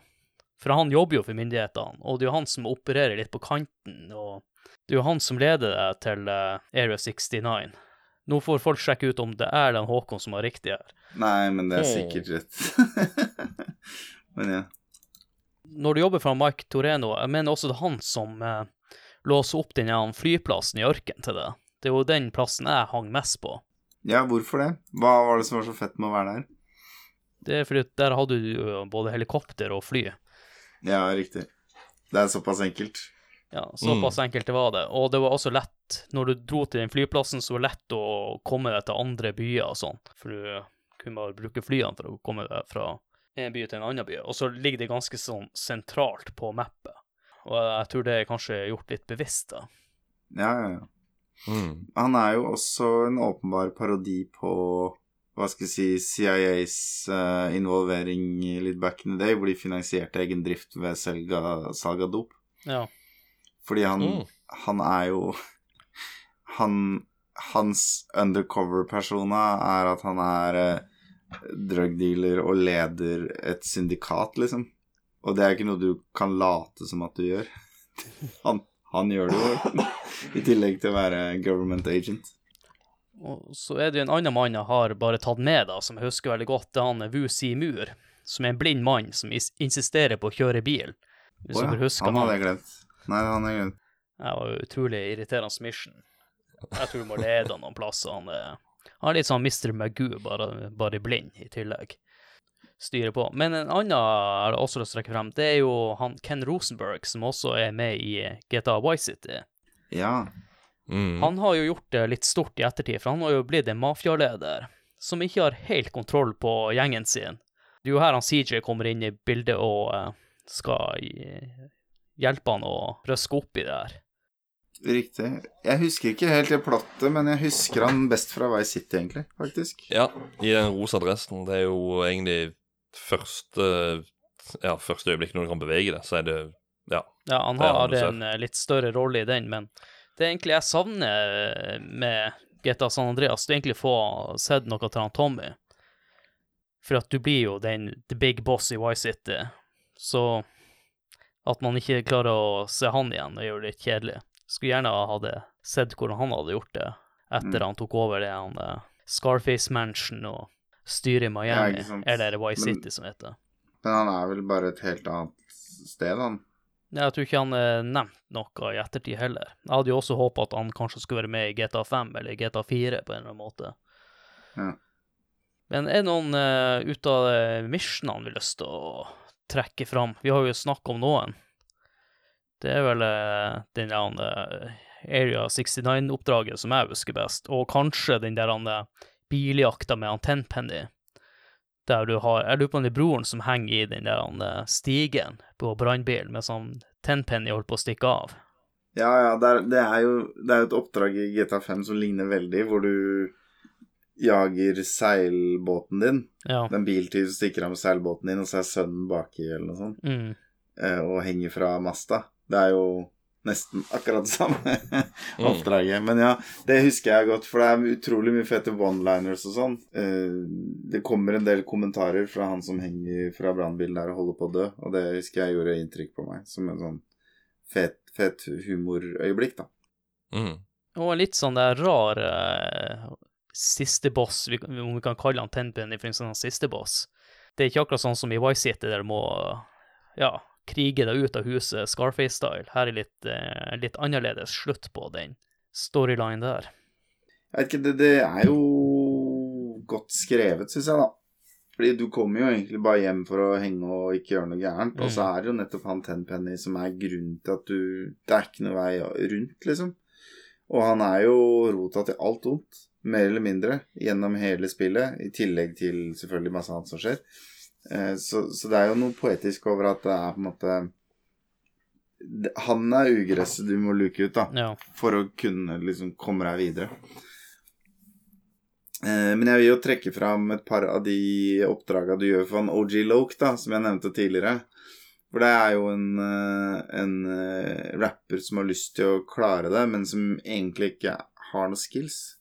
Men som da hele tida overbeviser deg om at jo da, han har egentlig skills, ja. men uh, Men vi må bare liksom få mixtapen min til dette studio, og så ender jo det opp med at du truer en plateprodusent til å lage noe, liksom. Eh, eller han Du bryter deg inn i eh, en konkurrerende rappers mansion for å stjele notatblokka hans, så han kan bare stjele tekstene hans og sånn.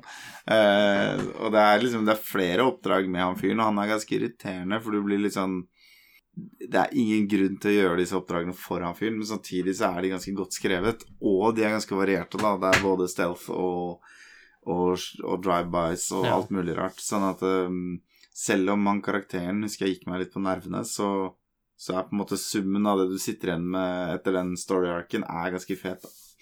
Bare som missions, da. Bare for, altså, det er jo egentlig liksom samla de som er i starten der, som du gjør liksom i det nabolaget ditt, blant annet med, med Ryder og diverse, når du har um, det ene Det var jo Åh, jeg husker ikke navnet på det, men eh, det er et sykkeloppdrag hvor det har vært en drive-by, og de sprenger bilen din, og så tar alle sammen og hiver seg på en sykkel. Ja, skal du chase dem ned, ja. Mm. Ja, og det, det er bare sånn den, den måten Altså sånn Nei, det er ikke noe sånn vanvittig stort oppdrag eller noe. altså Sånn det er Men måten en blir introdusert til spillet, da, på en måte, syns mm. det er veldig bra starteroppdrag i, i spillet, da. Det er jo ganske smart som sånn tutorial også. Eh, fordi For det første så får du sånn Å, jøss, det går an å sykle. Ikke sant? Mm. Mm. Eh, det er en greie. Det er nytt. Eh, og så får du beskjed om å trykke mange ganger på knappen, så da lærer du, hvis du ikke har lært det ennå, at du også kan spurte på samme måten. Og det var jævlig stress å trykke. Eh, men ja, det, dette er et godt eksempel på det jeg snakka om i stad. Ting som var fett da, men som er quality of life fjerna nå. Eh, men men også må du sykle så langt at da vil du legge merke til at liksom stamina eller syklebaren din går opp. Så da forteller også spillet deg at hei, du kan levele opp uh, egenskapene dine. Sånn at Mm. det, er, um, det er rett og slett bare genialt uh, gamedesign, da. Fordi det, det beste spillet er jo de som på en måte drar deg gjennom en tutorial uten at du merker det. Det er jo virkelig det er- da det er- du det er bare sklir her, altså. inn i spillet. Mm. Vi har jo vært litt inne på det i ganske tidlig i episoden, hvordan vi spiller GTA. I hvert fall jeg og Håkon har jo nevnt litt, men jeg er jo litt interessert i å høre hvordan du spiller GTA, Erling. Jeg er veldig motivert av en eller annen form for indre idé om å lykkes, eller leve Det er en sånn gamification-greie. At jeg på en måte ser på det å få tilgang til større klumper med cash, eller liksom runde av en story arc, eller lokke ned dette nabolaget som mitt. Eh, eller bare 'nå er alle strippeklubbene mine', eller så, alle sånne ting ser jeg på som level ups, da. Altså, jeg har den samme eh, det er den samme greia som driver meg på de tinga, som kanskje i andre spill driver meg til å bare grinde opp en level eller to. Mm. Sånn at um, jeg blir fort sånn første jeg gjorde i Vice City, var å blinke meg ut en jævla dyr bygning og begynne å spare penger til den. Ikke sant? Ja. Eh, og, og sånn blir det litt i GTA òg. Um, så jeg jager jo de questmarkerne mye, da. Jeg bruker ikke så mye tid på å gå rundt og bare skyte random folk på gata og sånn. Eh, men det som kan skje, er at hvis jeg først driter meg ut og får fire politistjerner etter meg, så, så tenker jeg ok, nå, hvor lenge overleve, kan jeg overleve det her, eller Mm. er det mulig å skyte seg ut av, eller bare Da begynner jeg å teste grensene når jeg først står i situasjonen. Men det er en blanding av det med å liksom Faen, jeg må Jeg må få kontroll på bruktbilmarkedet i Los Santos, liksom. Mm. Eller lure på hvordan det går med Big Smoke nå, liksom. Det er de to viktigste driverne, og det gjør at jeg, jeg tar nye oppdrag, og så er det en tendens til å kanskje liksom ikke plukke det oppdraget som er et spørsmålstegn på andre sida av Ja. fjellet, liksom. Fordi det er ofte et litt kjedelig oppdrag, og jeg er ikke så nysgjerrig på hva som skjer, da.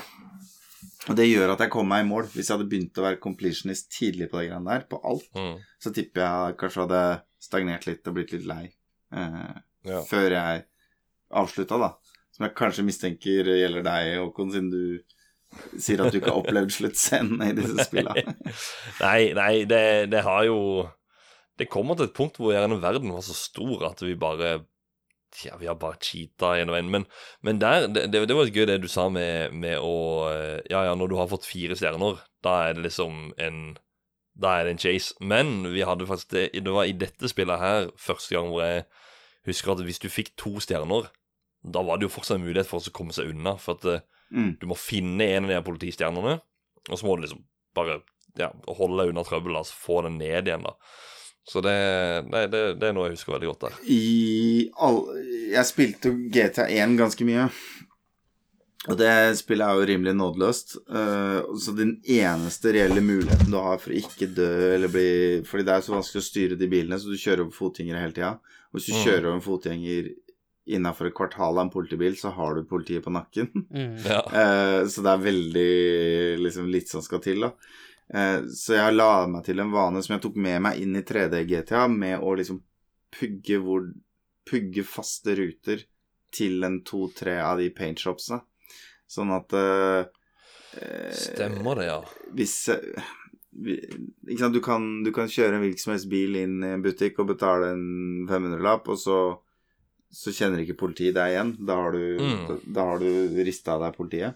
Ja. Eh, men eh, det å liksom skulle begynne å slå på kartet hvor de er midt i en high speed chase, er jo ikke et alternativ.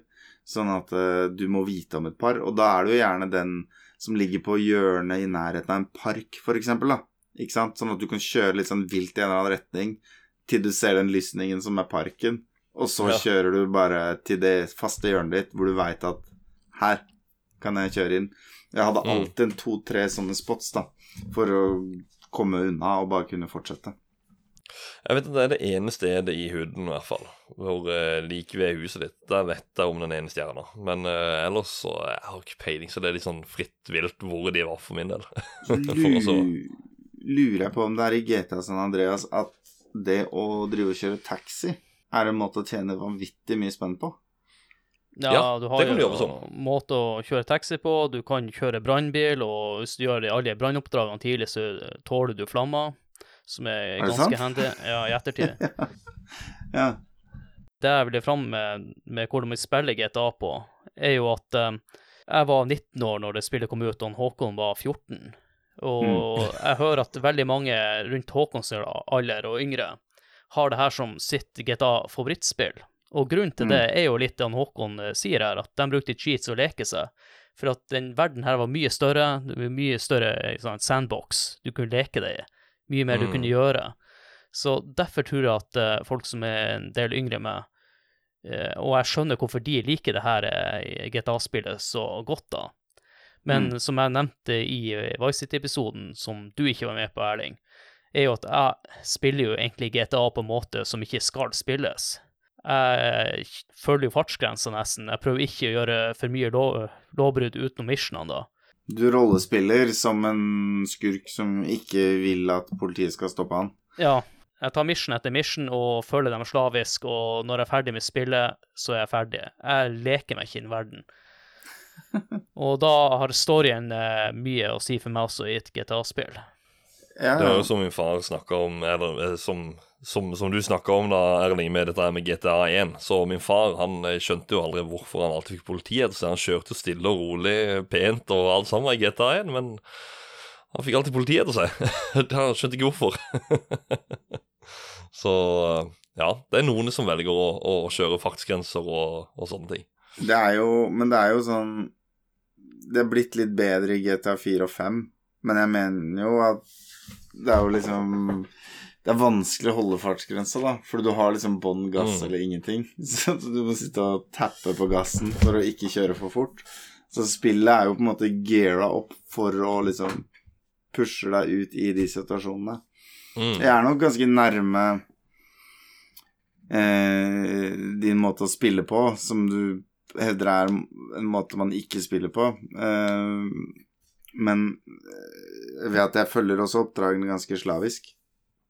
Eh, men jeg, men eh, jeg tenker jo at kanskje i, spesielt i GTA 5, da, så føler jeg at storyen, eller i det minste hvordan karakteren er skrevet, og selvfølgelig spesielt Trevor, eh, som er alle cheaters avatar, vil jeg tro, eller alle som er glad i bazookaen sin avatar, eh, oppfordrer deg jo til å i større grad da, til å gjøre ting, mens CJ er jo en down to earth-fyr som ikke vil ha noe trøbbel, så liksom Der forteller ikke egentlig spillet deg go nuts. Eh, det eneste de gjør, er å vise at det er en veldig stor verden. Og det er litt out of character å liksom stjele en bil for moro skyld og kjøre den opp på en fjelltopp. Eh, Sånn at eh, spillene blir kanskje flinkere og flinkere til å oppfordre sånne som meg og Adrian om, Ja. at, eh, om, må, om å gå litt off script, da. Nå tror jeg jo kanskje eh, for din del, Erling, at San Andreas traff deg i ditt hjerte, som du nevnte tidligere, med at du er glad i det. hiphop. Jeg er jo veldig glad i 80-tallsmusikk og 80-tallet, så Vi nevnte jo jeg og Håkon i, Vice City-episoden at eh, Vice City er vår GTA, men San Andreas eh, Nå er det jo Nå har jo ikke jeg spilt San Andreas noe særlig siden 2005, da. Og når man jobber med denne episoden her, så innser at det er et mye bedre GTA enn det jeg husker det var. Mm. Jo, men det gjorde jeg sjøl nå. Jeg har også spilt uh, et par timer, uh, eller et par timer, jeg tror jeg har lagt inn en fem timer i det nå. Og det, det er et utrolig bra spill, som jeg absolutt kunne tenkt meg å spille som Ja, som uh, annet enn det jeg gjorde før, sånn som med cheats og sånne ting, men ja, det, det er litt clunky, og den remasteren som kom, gjorde visst ikke ting så veldig mye bedre, så det Jeg var veldig klar for å kaste meg over den remasteren, for jeg har heller ikke spilt dette spillet på 15 år sikkert. Da en fikk så hard slakt at jeg valgte jeg, jeg konkluderte med at det var best for min egen mentale helse å ikke få ødelagt liksom disse gode minnene, da. Men, eh, men det er som du sier, det kan være grunner til å like Vice City bedre, f.eks. musikken, neonbelysningen, mm. bilene, stilen, ikke sant. Det kan være eh, det er, det er definitivt ting med det spillet som har sin sjarm, og hvis det er det du digger, så, så, så taler det for deg. Men det er objektivt sett så mener jeg jo at GTA San Andreas skrur jo veldig mye som er GTA, sånn uavhengig av hiphop og sånn, men bare historiefortelling, verdenbygging, eh, plot-twister, eh, størrelse, eh, RPG-elementene Alt de, de skrur det opp til 11, da, sammenligna med Mm. tidligere versjoner. Og de tar et kjempeskritt, liksom, videre mot det som etter hvert blir GTA 5, da. Eh, ganske mange år nedover i, i pipeline. Det jeg synes er litt eh, Eller det kommer jo med San Andreas da i ettertid. Jeg savner litt den eh, humoren. Eh, jeg følte noen ganger at San Andreas det blir kanskje litt for alvorlig, den storylinen. Mm. Jeg liker litt den der eh, de, de gjør narr av ting og det er litt mer sånn lysbetont. Jeg følte eh, at San Andreas, mye, eller en del av storyen der, er jo ganske mørk i forhold til uh, Vice City, for eksempel. Ja, det er det nok. Eh, og så er det også sånn at eh, veldig mye av humoren er referansehumor. Eh, at liksom eh, Denne situasjonen er egentlig ikke morsom, men den er morsom fordi en fyr som er helt lik en fyr du har sett i en musikkvideo, Mm. sier det. Og hvis ikke du har referansene på plass, da, så er det bare en story om noen fattige folk i en getto som har et problem. Eh, sånn at det også tipper jeg har en del å si for hvor, hvordan dette oppfattes som humor eller ikke. Mm. Mm. Men uh, hva dere tenker nå om at vi skal rate GTA San Andreas? Jeg syns det er vanskelig, altså. Både fordi det blir på hukommelse, men uh, ja. Vi skal gjøre det beste ut av det. og...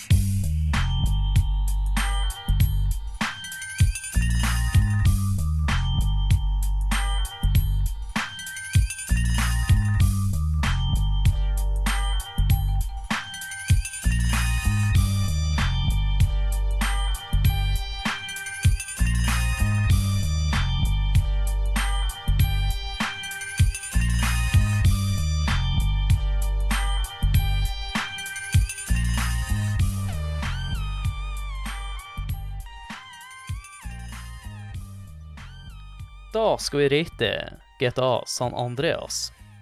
Og vi har jo sett i Nintendo-magasinet, og vi benytter oss av eh, en karakterskala fra 1 til 10 som i Nintendo-magasinet, og vi bedømmer spillene etter de her fem punktene, da. Grafikk, lyd, spillkontroll, underholdning og holdbarhet.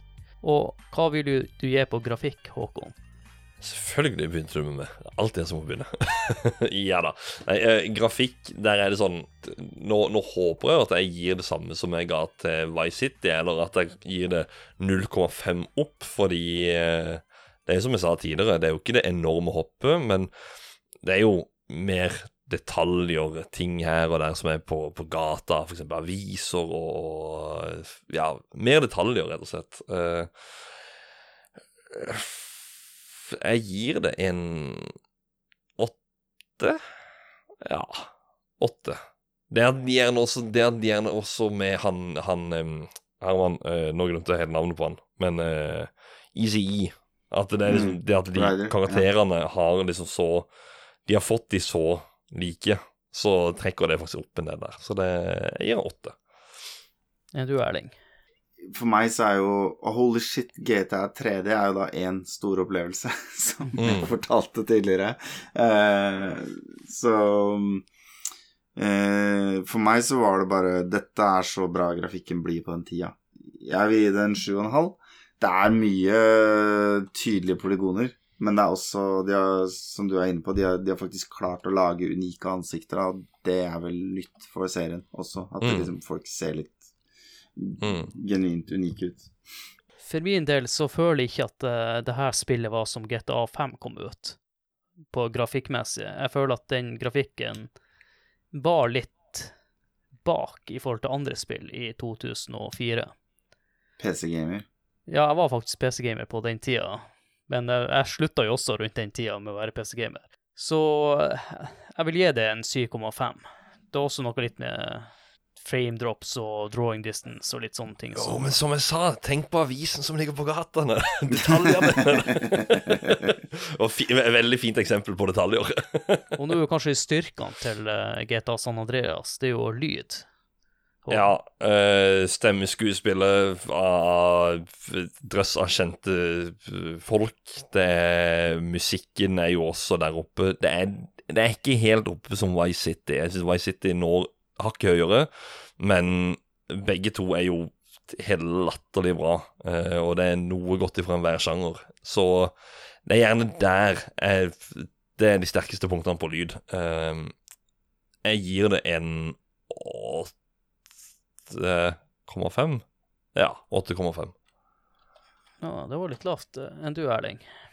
Ja, nei, jeg mener jo at uh, altså Om det er musikk du liker eller ikke, er jo en sånn subjektiv greie. Uh, Mm. Det og ikke bare musikken, men ikke- det var helheten med kombinasjonen på musikken og alt. Du- Og det at de liksom for tredje gang spiller videre på faste karakterer på radioen og sånn, men gjør jo Det er jo på en måte hakket mer imponerende enn forrige gang de gjorde det. Hvor de bare hadde ett spill å forholde seg til legacyen. Men det er jo stemmeskuespillet her da, er det viktigste, tenker jeg. Og det, det er et fullt sett med karakterer som er troverdige, og som har hver sin greie. Og noen av de er latterlig parodiske med vilje, mens andre er down to earth ekte, på en måte. Mm. Men det virker på meg som om Rockstar får til akkurat det de prøver på i alle de tilfellene.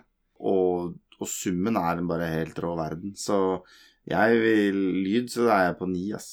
Ni. Ja. Jeg er også på ni. Jeg lurer på om vi ga ti på Vice City eller noe sånt, og det er jo rett under. Ja, det er det, det, Eller det, det egentlig.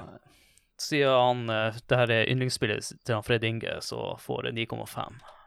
Og se der så, også, hallo, eh, ja, Det som er en greie her, Erling, det er at eh, scoren vi baserer på nå, det er det at dette her ser inn på en Spell of the. Year-utgave, som kommer inn på en liste hvor alle spillene vi har spilt i år, har da fått en felles eh, score basert på dette vi gjør nå. Og eh, 9,5, ja. Ja, du må huske at eh, det skal et sted på lista. Jeg gjør det bare ut ifra det nå. Jeg, jeg, jeg gir ikke karakterer ut ifra hva jeg tror det, det blir i løpet av slutten av året. Spillkontroll, Håkon. Ja, den har vi snakka litt om. den går ned en god del. Den går egentlig veldig mye ned. Altså, det fungerer. Det funker greit. Det er Kjøringa er, det er fin, den, og det går greit å bevege seg rundt, men det er litt sånn clunky greier her og der. Siktinga, for eksempel.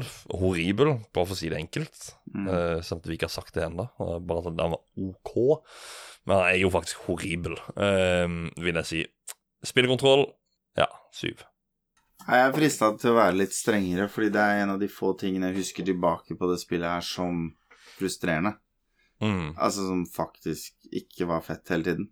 Jeg skulle egentlig si 6,5, men jeg Ja, nei, for jeg tror jeg er nede på sekseren i hvert fall. Det var jo helt ok til det, men jeg husker jo faktisk at jeg liksom bevisst alltid stjal en bil. Mm. Fordi kjøringa var ok, men gåing og sikting og skyting og delvis kamerastyring var ganske balle, for å si det enkelt. Mm. Og, da, ja, ja. og da ender du liksom opp med å kjøre to kvartaler og sånn hele tiden. Eh, Så kontrolleren er vel kanskje det svakeste punktet der.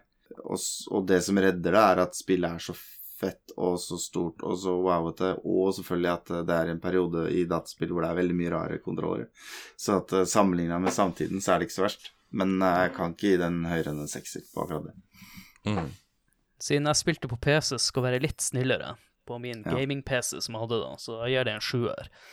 Ja, det er faktisk det jeg går ut ifra. Så ja, skulle det vært Skulle jeg faktisk tatt med kontrollere, så ja, jeg, da hadde jeg faktisk gått lavere. Ja, Håkon, underholdning. ja, det skal vi bare si tallet, alle tre? Jeg er jeg er ikke sikker på at jeg er enig med dere, så du, du får begynne. Ja, det er tosifra, det. Det er 1-0, det er 10. Ja. Jeg er faktisk enig. 10. Det er, eh, det er Og det, vi har, det er jo det vi har snakka om hele episoden, så det er ikke noen grunn til å utbrodere veldig. Nei, og, og, og jeg skal si, samtalen har liksom vokst så vanvittig mye på mer enn det Altså, bare, Det har bare vokst ut på hele samtalen. Alt vi har pratet om hele veien. Og det er bare sånn, Du skjønner da at spillet er dritbra. Nå ser jeg Adrian ser i taket og tenker Hva skal jeg gi? Ja, jeg er litt der Jeg vil ikke gi det full score. Jeg- Oi! Jeg, jeg ligger mellom ni og ni og en halv. Siden, Da er det 9,5. Ja, siden jeg sa at jeg synes spill var bedre enn det jeg husker det var, så blir det ni og en halv. Men Ja. det når ikke helt opp for min del. Ja, fy faen, det er skandale. Jeg skal få Reddit til å dedose serverne deres. Ja, viktig å være ærlig her. Holdbarhet, Håkon, som er siste punktet. Ja, du, jeg har jo testa den nå nylig, og det er mye som egentlig må fikses på. Du eh, får eh, Det finnes sikkert en annen fiks på at du kan laste ned en fil eller noe, men du må eh, For hver gang du skal eh, For hver gang du skal ut Nei, starte spillet, så er det en sånn eh, Du må ut på Hva er det for noe oppgavebehandling? Og så er det noe sånn pro, pro, ja, Processor Affinity heter han da inne på Task Manager på engelsk Windows. Og så må du slå av alle CPU-ene, og så kun sette den på én kjerne. da. Og så kan du gå inn på spillet igjen, og da fungerer datamusa. Så eldres på eh, mye at du må gjøre ting og tang, du må fikse på det ene etter det andre.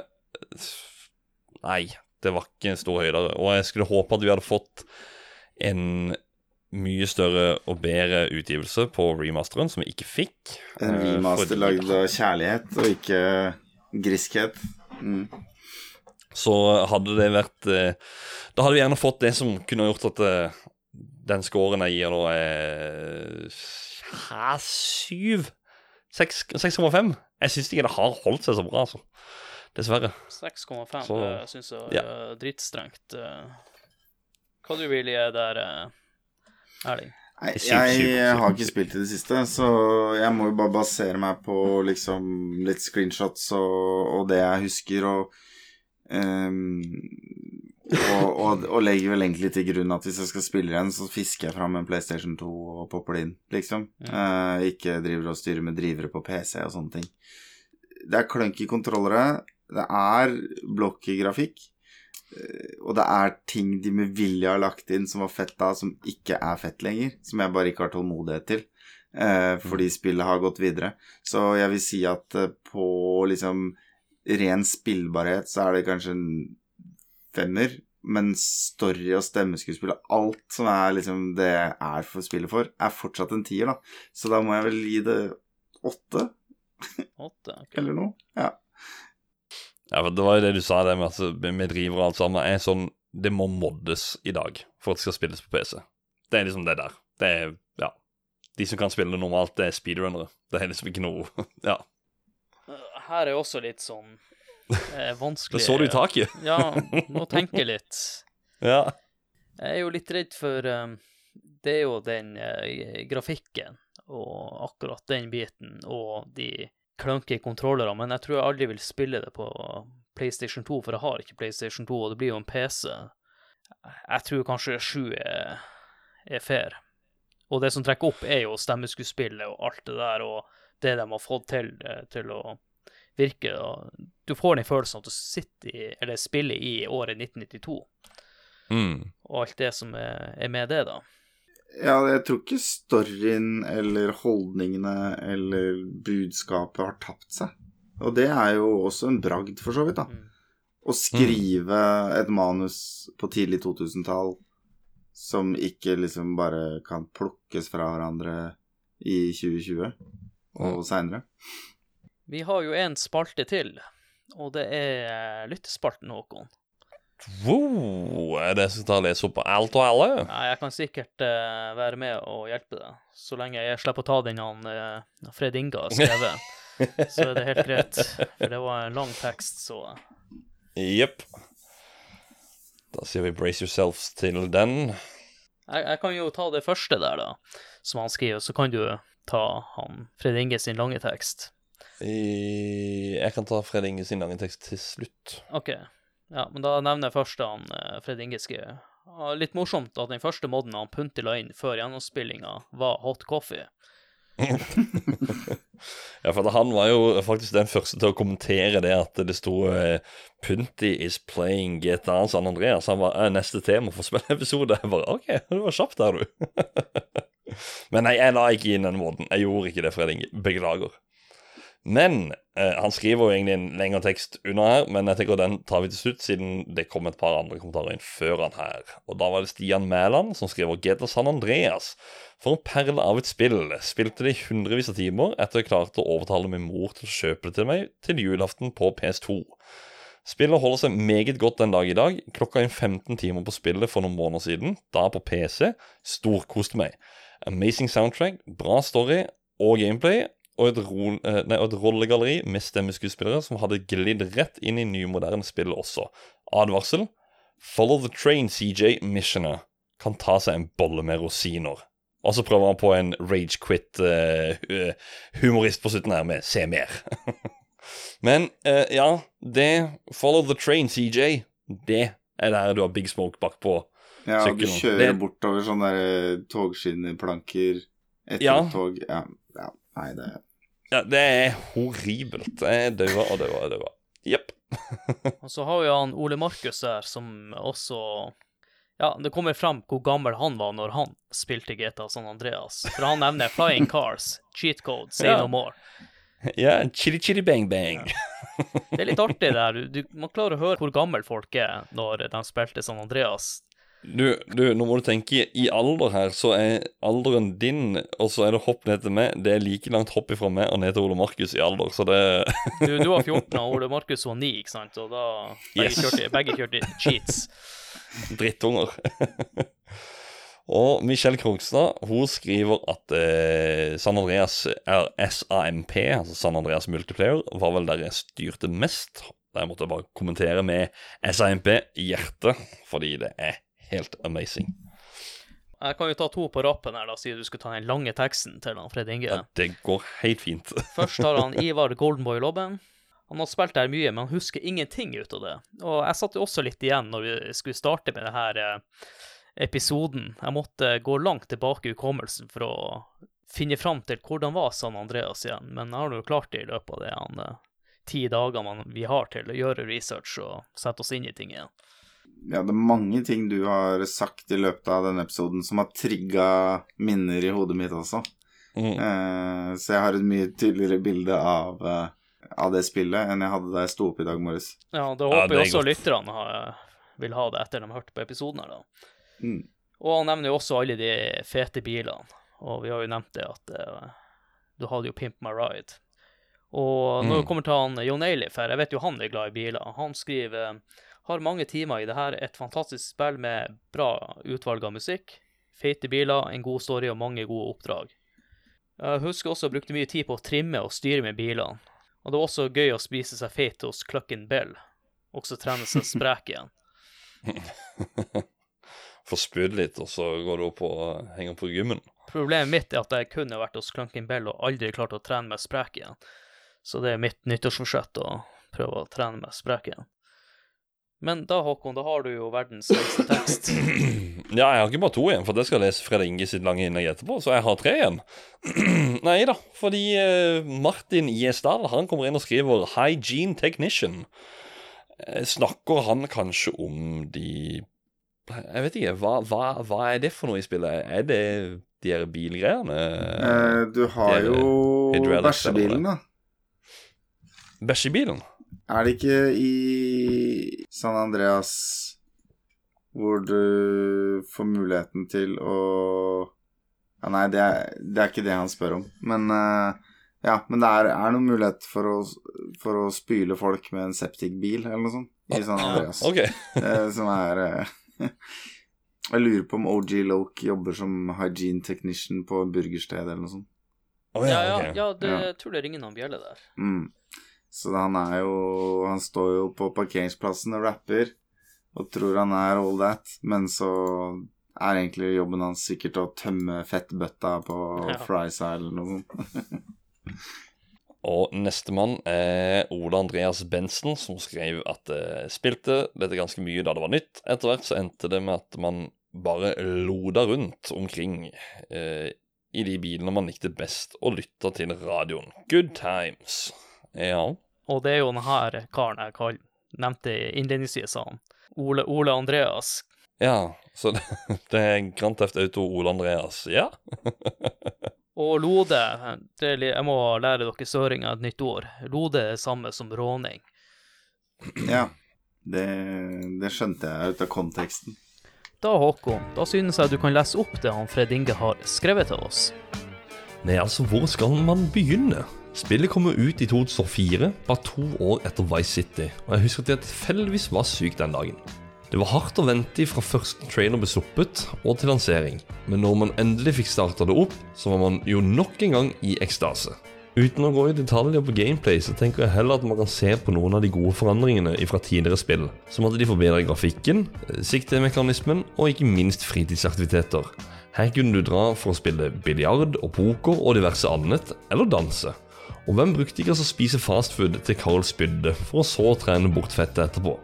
Historien var litt mer original enn i Vice City, og jeg mener det er en av de bedre historiene vi ser i serien. Og du kan møte på kjente karakterer fra de andre 3D-spillene, som Claude og Ken. Totalt sett, fra alle de fem 3D-spillene i serien, så er dette det spillet som har mest gjennomspillbarhet pga. størrelsen og mangfold forskjellige aktiviteter. Og om du kjeder deg, så kunne du pimpe opp en bil eller dra til Area 69. Muligheten for mods var jo også der om du spilte på PC eller en modifisert konsoll, og du kunne spille online med andre ved å benytte deg av San Andreas Multiplayer eller Multiteft Auto San Andreas. Jeg brukte sistnevnte mest den gangen, siden det var den beste og mest stabile tjenesten, og den lever faktisk den dag i dag. Ellers så hadde jo San Andreas også et fantastisk soundtrack. Kanskje ikke like bra som Vice City, men det er fremdeles fantastisk. Og de hadde jo en legendariske skuespillere som Samuel motherfuckings Jackson, som gjorde en fantastisk jobb. Liten fun fact at San Andreas egentlig skulle ha muligheten for to protagonister. Men dette ble skrinlagt og endret til co-op pga. tekniske begrensninger på hardware på PS2-en. GTA San Andreas vil nok bli husket i lang tid for å kunne være et av de beste spillene gjennom tidene, og det med god grunn. Nå er det jo slik at uh, vårt opptak er på nesten tre timer nå. Jeg vet ikke hvor lang denne episoden blir, men hvis dere har dårlig tid, så kan dere høre bare på det han eh, Fred Inge har skrevet her. Ja. Og da trenger dere ikke høre på episoden. Det er et synopsis i slutten av episoden. Ja, ja, ja. Ja. Jo, det, det er åpenbart at han er enig i det vi har snakka om gjennom spillet. Eh, At eh, Ja. Og så likte jeg det at han sa at eh, Jeg likte at han sa det at eh, det eh, Multiteft Auto San Andreas fortsatt lever den dag i dag. For jeg vet ikke om SAMP gjør det. Så det er jo absolutt noe jeg kan råde folk til å sjekke ut. Ja, og så er det fint å ha ei sjekkliste med at vi har jo faktisk vært innom mye ut av det han har skrevet her, så da må jo vi være fornøyd med episoden. Ja, for han er fasiten, ikke sant? Så Ja. dette var eksamen, og så kommer han med fasiten, og vi har Ja. Eh, levert til eh, glans, vil jeg si. Ja. Det var en sekser, det. Yes. Og with that bombshell, så uh, kan vi jo uh, plugge podkasten Håkon. Klarer vi å gjøre det kjapt for en gangs skyld? Ja da, det kan vi. Vil du ha sweet uh, merch med spillelogoen på, som en kaffekopp, T-skjorte eller en genser, så kan du alltids hoppe inn på vår Spreadshirt-butikk. Eh, altså Måten eh, og ellers å støtte spillet på, det er å tipse venner og bekjente om podkasten. Og gjerne trykk på den eh, stjerneratinga som er kommet på Spotify, og som er på eh, Apple Podcast. Settes veldig pris på. Så kan dere joine Discord-communityet vårt og spillcommunityet på Facebook. De link til dette her finner du i episodebeskrivelsen. Og du finner også der link til spillet sin Facebook-side, hvor da ja, Det er ikke så veldig mye aktivitet der, men setter pris på når du har lyst å følge den også. Og så må vi som alltid til slutt rekke en veldig stor takk til Joakim Froholt, som publiserer alle våre episoder på spillhistorie.no, og er helt rå på å skrive. En kjempeflink journalist. Ja, han eh, får jo vår episodetekst til å virke rett og slett elendig. Ja, han kaster sånn magisk dryss over vår episodebeskrivelse, og så bare poff, så er det bare en eh, Det er vakkert. så sjekk ut spinnhistorien.no også. Så vil jeg jo rette en stor takk til han Erling her, som hadde lyst til å være med på episoden, og det er jo litt artig å få med noen fra en av de første spillpodkastene i Norge. Eller eh, tør jeg å bruke det ordet? Ja, det er noen som begynte før oss, men de finnes ikke lenger. Så Men vi er sikkert en av de tre første, eller noe sånt. Mm. I hvert fall Men lengst eh, det var veldig gøy å være med, altså. Det er ikke sånn at jeg føler dere har casha inn en tjeneste nå. Det har vært uh, stor grad av lystbetont. Ja, men det har vært en sann glede å ha deg med her. Og så igjen, gratulerer med 500 episoder til deg og resten av Spillmetic. Tusen hjertelig. Alle som hører på, gi dem en applaus. Vi får se om jeg klipper det inn her eller ikke. ja. Og så må jeg alltid si takk til deg, Håkon, for uh, å være med som takk meg. Takk for meg. Det var kjempegøy å prate om enda et GTA-spill, og det skal bli prata om flere. Og da gjenstår det egentlig bare for meg å si tusen takk for at dere hørte på, og Ja. ha det! Ha det! Ha det. Hallo? Du trodde episoden er var ferdig? Å nei, du. Vi skal ha et lite segment hvor vi skal inn i en heis og høre på litt juksekoder. So, ladies and gentlemen, sit down, have a good time. He's so jam. Professionals kit, stick like glue. Full clip, buff me up. Worship me. Hello, ladies. Kangaroo. Chitty chitty bang bang. V-Rock pokey. Too damn hot. Dette er altså kodene du trenger for å ha en good time med cheats i spillet GTA San Andreas. Men spillet er også helt fantastisk å spille uten cheats. Vi snakkes until next time.